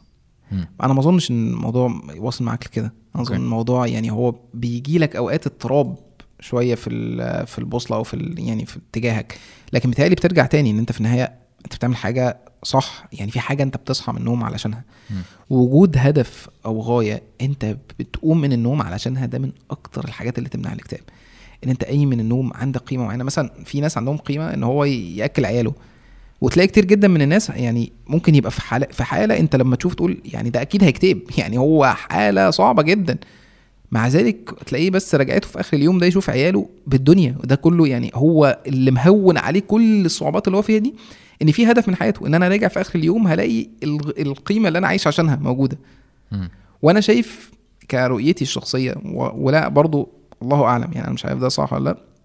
بس وجود قيمة أكبر غاية أكبر زي ربنا سبحانه وتعالى وال- وال- والجنة أظن دي أكبر دافع. حتى اللي يعني يعني لو اتعمل دراسة نفسية على نفسية الصحابة هيلاقوا عجب. يعني دي كانت غاية الجنة دي كانت غاية عندهم. مقابل ده. قدموا تضحيات رهيبة. ما يعني ما فيش ليها مثيل في البشرية. مفيش حد في البشر عمل اللي عمله جيل الصحابة ده. فأنا أظن إن كل ما الغاية والقيمة تبقى أكبر وأعلى وأوضح بالنسبة لك كل ما بيهون عليك اللي أنت بتعمله علشانها كل ما بيبقى سهل عليك إن أنت تبذل. حتى كان في كلمة ابن الجوزي بيقول من من عرف من عرف شرف ما يطلب هان عليه ما يجد.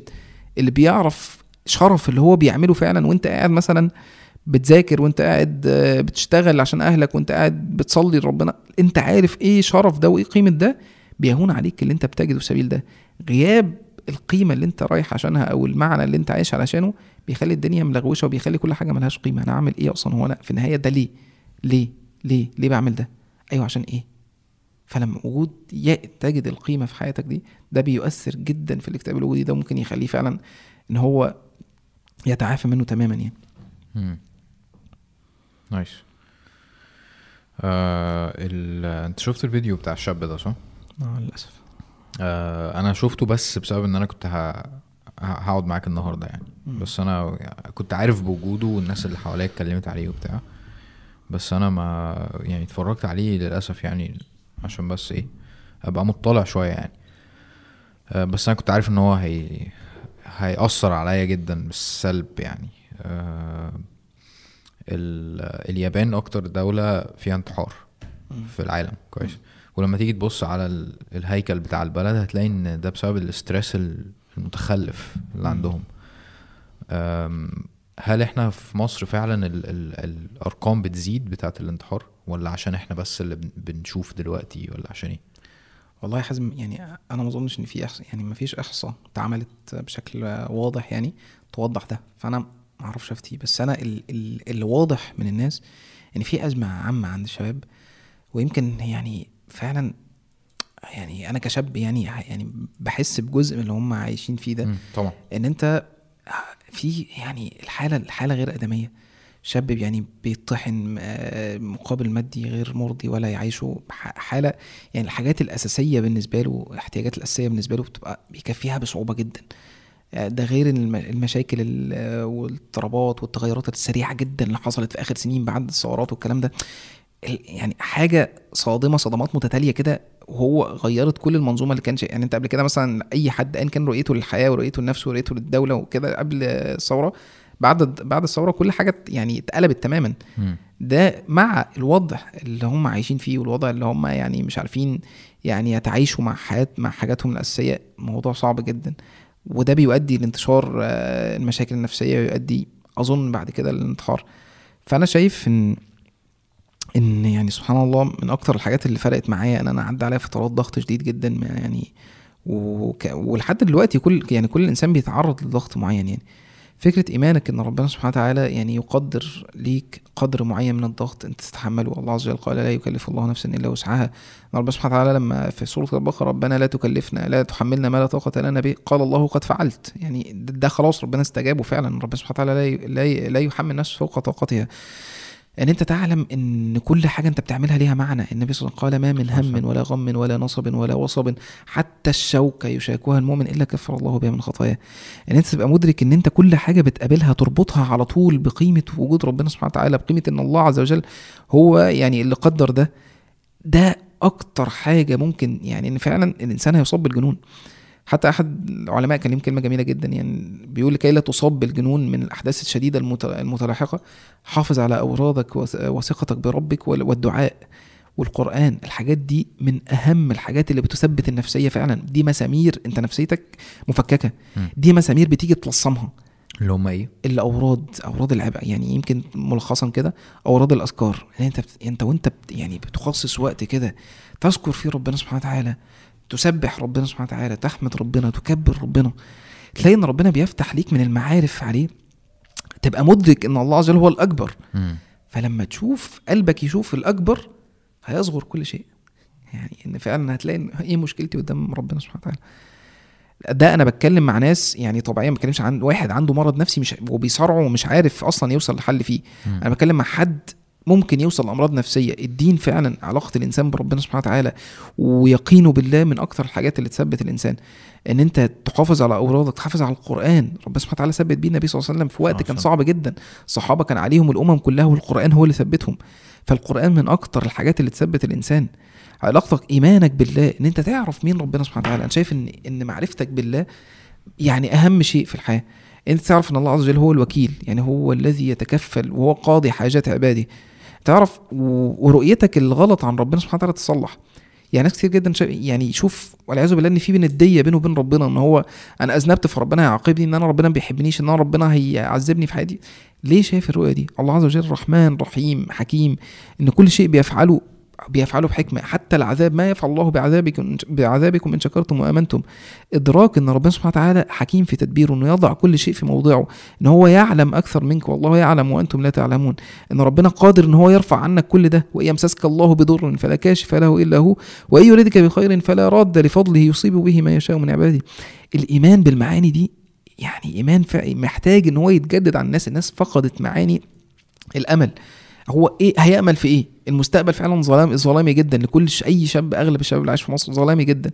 فما فيش أمل إلا من خلال ربنا سبحانه وتعالى إن أنت تؤمن إن الله عز وجل هو الذي يجعل فرج من لا شيء. ربنا سيدنا يعقوب بيقول لاخوات بيقول لأولاده روحوا يعني اذهبوا فتحسسوا من يوسف وأخيه. أخيه إيه ده؟ بقاله كام سنة غايب عنك؟ ولا تيأسوا من روح الله هو اللي بيثبته مع إنه أكتر واحد اتعرض لبلاء وأكتر واحد شاف شدة في حياته. ولا تيأسوا من روح الله. ما تيأسش من رحمة ربنا سبحانه وتعالى. حتى سيدنا يعقوب ربنا عبر عنه إن هو فهو كظيم. عارف لما بتغزم إزازة كده وهي جواها مغلي بركان يعني هو جواه حزن شديد جدا وقفله كظم غيظه يعني قفله. هو قافل الحزن ده على نفسه فهو مليان حزن ومع ذلك متعلق بالله عز وجل. عشان كده قال لهم في اخر السورة واعلم من الله ما لا تعلمون. أنا عارف إن ربنا سبحانه وتعالى يعني أنا متأكد إن هو أنا ظنيت فيه وربنا سبحانه وتعالى هي- هيجيب ظني. فمعنى الإيمان بالله ده معنى قوي جدا. لو اترسخ جوه قلب الإنسان هو الحاجة الوحيدة اللي تصبره على مصائب الدنيا. عشان كده النبي صلى الله عليه وسلم قال يؤتى بابأس أهل الدنيا. بس من أهل الجنة. ده واحد أكتر واحد يقال له هل رأيت نعيما قط؟ يقول لا والله يا رب. عمره ما شاف نعيم ما يعرفش يعني إيه نعيم أصلا. كل اللي شاف حياته بؤس. يصبغ صبغة في الجنة. فيقال له هل رأيت شقاء قط؟ فيقول لا والله يا رب. لازم المعنى ده يرجع يترسخ. معنى وجود غاية كبيرة انت عايش عشانها. معنى وجود ان انت بتحارب ليه انت بتجاهد ليه انت بتصبر ليه؟ عشان ربنا عشان الغاية الكبرى. غياب ده مع غياب أصلا المؤهلات ال- الحياتية الطبيعية للإنسان إن هو يعيش حياته ده من أكبر أسباب الاكتئاب. فالحاجة الوحيدة اللي بتعوض ده إن ربنا سبحانه وتعالى تبقى إيمانك بيه قوي وإن هو سبحان الله يعني فعلا يجعل فرج لكل شيء. يعني. أنا لما قلت لك إن أنا يعني أما شفت الفيديو تعبت. أنا لما لما بشوف حاجة غالبا أه بحط نفسي فيها جدا. عارف؟ يعني لو شفت مشكلة حاصلة لازم أدوس فيها جامد. لو لما بشوف فلسطين والحوارات دي أه يعني بقى لازم لازم أخش جوه الحوار ولازم أشوف مم. أنا ممكن أعمل إيه ولا. فده بيأذيني جامد جدا. تمام؟ فلما شفت الشاب ده آه وهو واقف قبل ما صاحب يعني ساعة ما صاحبه مشي وبتاع قبليها هو كان واقف باصص في الأرض وبتاع يعني حطيت نفسي مكانه جدا كويس؟ ومش هدعي إن أنا كان عندي أحاسيس توصلني لدرجة الانتحار بس في نفس الوقت آه، أنا أنا مش مش آه، أنا مش منعزل عن المجتمع وعن الحياة وعن نفسي بدرجة إن أنا أبص له اللي هو إيه أنت غريب قوي لأ أنا بشكل ما فاهم فاهم هو كان حاسس بإيه؟ عارف؟ بشكل كبير عارف؟ لأن إحنا كلنا في في نفس المركب عارف؟ وكلنا مضغوطين بشكل ما. في ناس مضغوطة أكتر من ناس وفي ناس عندها أهداف أكتر من ناس وفي ناس آه، علاقتها بربنا آه، بتمنعها ان إن هي تعمل حاجة زي دي عارف؟ اللي هو مش مش قصدي انه ربنا آه، لو لو أنا عملت كده هيعاقبني مش قصدي كده. أنا قصدي إن هم متصلين بربنا جدا اللي هو إيه؟ يعني مثلا والله المثل الأعلى لو أنا وأنت إخوات وصحاب جدا وبتاع ممكن أنا لو عملت حاجة زي دي أنا هبقى عارف إن أنت هتتأذي وهتزعل واللي هو طب ما إحنا بنحب بعض ومش عارف إيه وبتاع. ففي ناس عندها العلاقة دي مع ربنا آه، بشكل واعي جدا. عشان كده لما أنت قلت الأذكار والحوارات دي دي بتخليك فعلا متواصل مع ربنا بجد مش بس بتصلي عارف؟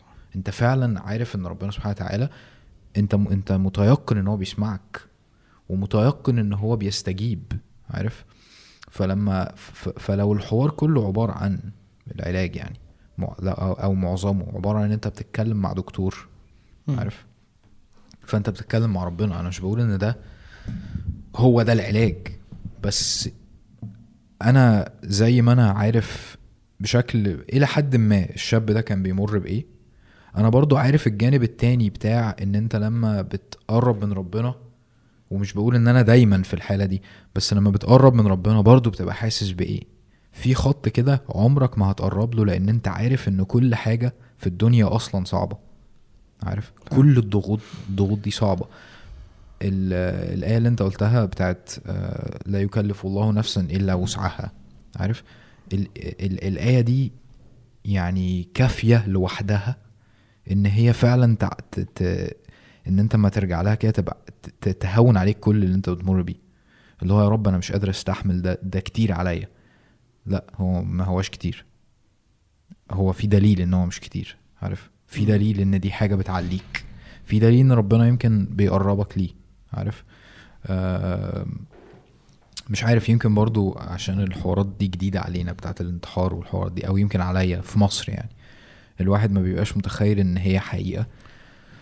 ف فمش عارف يعني لو في حد بيتفرج علينا بيفكر في الحوار ده أو فكر فيه قبل كده أو حاول أو حواليه حد حاول آه لازم لازم يسمع الكلام ده كويس. لازم يبقى عارف إنه آه حتى لو الحوار مش كفر وات يعني مش مش هو ده هو يعني برضه ما ننساش إن هو كبيرة يعني ما بالظبط النبي صلى قال من من قتل نفسه بحديدة فهو في جهنم. يقتل نفسه خالدا مخلدا فيها أبدا. بالظبط. ف هو يعني بغض النظر عن إن هو مش كفر لكن هو كبيره والله أعلم. يعني أنت أنت بتختم حياتك. يعني الناس بتقول مثلا إن أنت أنت عملت ما الناس كلها بتعمل ذنوب وبتقابل ربنا. لا بس انت انت ختمت حياتك بحاجه زي كده. إحنا ما بنحكمش على حد أنا ماليش دعوة. عشان كده مش عايز ادخل في تفاصيل عن الشاب ده أصلا ولا لأن أنا مش أنا مش غرضي إن أنا اناقش الشاب ده عمل إيه أو كان بيمر بإيه أو إيه السبب اللي هو وصله لكده أو هو مصيره إيه. أنا مش يعني خلاص هو ربنا يرحمه خلاص نعدي الموضوع. يا جماعة عشان ما حدش تاني يوصل للمرحلة دي. بالظبط. إحنا محتاجين. وفي معنى مهم جدا الناس يعني معاني الرحمة دي غايبة عنها قوي يعني إحنا الشعب اللي هو دلوقتي متعاطف ده خلينا نتكلم إن بنسبة 70% من الشعب إحنا شعب متنمر أصلا يعني. إحنا يعني أي حد يغلط غلطة بس هنطلعه على المسرح لحد ما ينتحر. يعني إحنا. آه اللي هو إحنا كلمني ناس كتير من اللي بتقول كلمني وتعالى يا حبيبي أنت أصلا ممكن تبقى يعني مطلع عين واحد تاني موصله إن هو كاره نفسه وكاره حياته وشايف نفسه وحش بسبب تنمرك عليه. فآه إحنا إحنا شعب يعني ما عندناش معاني الرحمة دي كتير. يعني فكرة إن أنت ترحم الناس وإن أنت جداً، تقدر يعني ضعفهم وإن أنت تاكسبت الضعف بتاعهم وإن انت يعني صح. تقول له إن انت يعني الناس لو شافتك غلطت التعامل الطبيعي إن انت مثلا بدل ما تقول له خلاص يعني وتحاول تهون عليه وترجعه تاني إن هو يبقى كويس لا أنت بتحط عليه. جدا صح. أنت بتخليه يكره نفسه وخلاص اللي هو أنا غلطت أنا أنا إنسان وحش وأنا مش ماليش قيمة في الحياة. فلازم الناس تر... نرجع معاني الرحمة ومعاني إن, إن إحنا فعلا محتاجين نرحم بعض. النبي صلى الله عليه وسلم قال يرحم. الله من عباده الرحماء. النبي صلى الله عليه وسلم يعني نموذج في الرحمة سبحان الله يعني كان بيرحم حتى ال- الجماد يعني ال- الجذع لما لقاه بيحن ليه النبي صلى الله عليه وسلم يعني. ده جماد نزل يلتزمه. إيه الرحمة دي؟ النبي عليه الصلاة والسلام يرحم طفل عصفوره مات ويقعد يواسيه. أنت دلوقتي بقينا نستهون أي يعني دي مشكلة هل مشكلة كبيرة إن طفل عصفوره مات يا عم ما شوية وخلاص وهيلعب وينسى. لكن النبي عليه الصلاة والسلام لا. يستهين بأي مرض أو أي ألم لحد. النبي عليه الصلاة والسلام لما شاف كان تأتي الجارية وتمر به طرق المدينة. يعني هو ما يعني وسلم كان يقول لها يا بنتي خلاص إحنا مشغول, مشغول وحاجة ويرميها. لكن مقدر إن هي ممكن تكون بس يعني محتاجة النبي صلى الله عليه وسلم فيرحمها. ماشي. فالنبي صلى الله عليه وسلم يسأل أصحابه. يعني ما ما بك؟ يعني لما قابل أحد الصحابه ما بك؟ قال يا رسول الله هموم لزمتني وديون ركبتني. فالنبي صلى الله عليه وسلم بيتفقد أصحابه ويشوف وي- ويحاول يساعده يقول له يقول له عليك بقول اللهم اني أعوذ بك من الهم والحزن والعجز. فسبحان الله يعني النبي صلى الله عليه وسلم كان بيتفقد أصحابه فين ده؟ إحنا بقى عندنا يعني الحياة بقت مادية قوي والناس بقت م. يعني مسيطر عليها المعاني دي. ما بقاش في حد يسأل عن حد أو يتفقد حد. بيعدي شهور أصلا ممكن ما نتفقدش بعض ونشوف يعني واحد ممكن والله العظيم يعني ناس كتير تكتب أنا لو مت ما حدش هيحس بيا. طب ليه؟ إيه اللي وصله لكده؟ لأن فعلا ما حدش بيحس بيه إن فعلا ما حدش بيسأل عليه ما حدش بيحسسه بقيمته في الحياة. فاحنا لازم نرجع تاني نرجع شعور الرحمة. الناس محتاجة دفء محتاجة فعلا الحياة صعبة جدا. الناس محتاجة تحس بالدفء ده تحس إن في حد متقبلها إن في حد شايفه كويس في حد بيعامله باحترام. أنت بقيت بتستغرب أصلا لما يعني ال waiter أو حد مثلا شغال في محل أو حاجة زي كده يستغرب إن أنت بتعامله باحترام وبتبتسم له وبتاع أو تقوم له أو اللي هو إيه ده؟ ما بقول له إزيك؟ بيتراب. بي- بيستغرب جدا. ليه؟ الناس داخلة اللي هو إيه؟ أنت أنت بتاع تعالى هنا شغال وبتاع أو يتعامل معاه بغلظة أو يشد عليه أو ما انت ممكن تتعرض لموقف يعني غلط يا سيدي. غلط لا نسلخه. انت أنا عارف أنا أنا عايز برضو اوجه رسالة مهمة جدا في الحتة دي. آه، انت أحيانا كتير مثلا وانت سايق عربيتك انت بتبقى ميت من جوه. كويس أنا مش قادر ده عارف حقيقي. وممكن حد يزنق عليك أو انت غصب عنك تزنق على حد مم. فالحد ده يشتمك أو يضايقك. انت ممكن يزفك ويفضل معاك لحد. ما يلبسك في حادثة اللي انت بيبقى نفسك تقول له إن أنت أنت ما عندكش أي فكرة أنا بمر بإيه. أنت بيبقى نفسك إن هو يقدر اللي أنت فيه. فعلى الصعيد الآخر وأنت في الطريق وأنت ماشي وأنت في عربيتك وأنت في الحياة عامة. أنا وأخويا امبارح كنا واقفين عشان نجيب أكل فواحد راح جاي آه إحنا واقفين في طابور. فعليا راح جاي واقف قدامنا. و- ولا كأننا واقفين في طابور وراح وخد اللي هو عايزه وبتاع. كويس. فأنا أنا ما بين إن أنا يعني ان هو انت تعديت عليا كويس.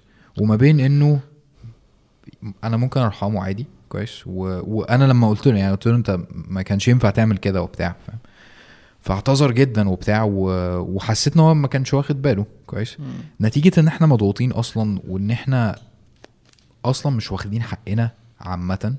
فبتحس إن أنت محتاج ربع فرصة عشان تيجي على غيرك عشان تاخد منه حقك عشان أو أو عشان تتوهم إنك بتاخد حقك عامة. كويس؟ أو عشان تنتقم بشكل ما I don't know في يعني حاجة في سايكولوجي أصلا اسمها displacement يعني إن هو تلاقي مثلا أنت رحت آه، الأب اتخانق مثلا حصل له مشكلة في الشغل يرجع يطلعها على بالظبط. مراته ومراته تطلعها على ابنه وابنه يروح ماسك اللعبة مفرتكها. فاللي هو displacement كل واحد بينقل الضغط ده لنفسه. حين الطرق الصحيحة للتعامل مع الضغط مش كده. يعني إن أنت يعني لازم تتعامل مع ضغطك إن أنت خلاص يعني تتزن وتستقبل ده وتهدى وأنت مفيش حد يعني مفيش حد يستاهل إن أنت تطلع ضغطك عليه. يعني أنت هو ماله؟ هو عمل إيه عشان يستحق؟ بالظبط بالظبط. فأنا أنا قلت يمكن هو لما اعتذر وما أعرفش إيه وبتاع أنا دايما بحب ا practice الحوارات دي مع نفسي إن أنا فعلا أحط نفسي مكان الناس اللي هو يمكن متخانق مع حد. يمكن صاحي من النوم جعان جدا ومش قادر مثلا عارف؟ اللي هو إيه المشكلة لما يقطع عليا البتاع؟ فاهم؟ اعتذر لي ومش عارف إيه وبتاع. ما, ما, ما بحبش أشخصن الأمور خالص عارف؟ لو لو أنا ماشي في في- داي دايما بضرب المثل بتاع العربية ده لأن هي دي غالب ال- غالب الوقت اللي بحتك بيه بالناس. فعلا. آه، ما بحاولش فعلا إن أنا آخد حقي لنفسي عارف؟ اللي هو بحاول أعرفه بس إن هو عمل حاجة غلط مش بح... مش هنزل بقى آخد فاهم؟ الشومة و...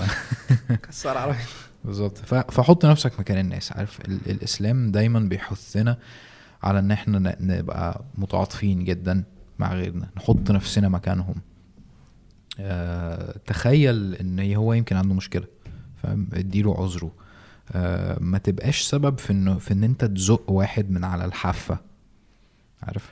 بالظبط. يعني هو ده يعني أنت قلت ده خلاص فعلا. ممكن أنت متبقاش متخيل إن حاجة أنت عملتها يعني ضايقت حد أو ضغطت عليه ويبقى هو أصلا كان ده آخره يعني كان ده آخر حاجة هو ممكن يتحملها يعني. ف والمشكلة إن الناس بت يعني بتفهم متأخر بتحس متأخر. يعني أنا بستغرب جدا من كمية الحب اللي بتنتشر والرحمة اللي بتنتشر على شخص يعني مات أو انتحر أو حاجة زي كده. طب كان فين؟ هو أنا متأكد إن هو لو كان شاف ربع الحب ده في حياته ما كانش انتحر أصلا أو كان مات. فمش لازم يعني فعلا الحياة صعبة جدا الحياة صعبة جدا وربنا سبحانه وتعالى خلقها في يعني خلقنا في قدر يعني في قدر. فلازم الناس يعني فعلا معاني الرحمة دي تنتشر لازم معاني الرفق معاني اللين معاني ال- العفو. لأن أنت يا أخي أنت يعني مرة الشيخ وجدان بيقول لي يعني أنا أحيانا حد بيغلط فيا مثلا فافتكر طب ما أنا بغلط في ربنا سبحانه وتعالى العظيم وبيغفر لي وبيرحمني. مم. فأنت مش عايز تسامح ولا تعدي ليه؟ أنت مين يعني؟ فبس فالناس محتاجة المعاني دي فعلا تترسخ فيها تماما يعني. ولو أنت حد حواليك آه، حد بيشتكي أو يعني أنت بتقول الشاب ده لو شاف الحب دوت ما هو ما فيش حد حواليه يمكن يعني كان معترف أصلا إن هو هو أو غيره يعني كان معترف إن هو عنده مشكلة فعلا يعني. ف... ففعلا عامل الناس بلين قدر إنه مش عشان أنت قوي يبقى كل الناس أقوياء مثلا يعني. فاهم؟ آه عايز أديك فرصة تقول أي حاجة أي رسالة؟ غني. هو أنا يعني أنا بس عايز أختم بحاجة يعني ممكن تعملها مع يعني لو شفت أنت شخص مثلا عايز ينتحر أو حاجة زي كده أو شخص مكتئب أنت كحد مقرب يعني بيبقى عليك مجهود صعب قوي يعني لأن أنت المشكلة أنت لو لو معاك حد مريض مرض ملازم الفراش أو حاجة زي كده تبقى أنت عارف الدنيا فين وعارف تتصرف صح. لكن لو حواليك مريض اكتئاب أنت ما بتبقاش عارف تتصرف معاه إزاي وعمال تديله نصايح غلط وعمال تقول له اطلع بقى من الدور اللي أنت فيه وكده.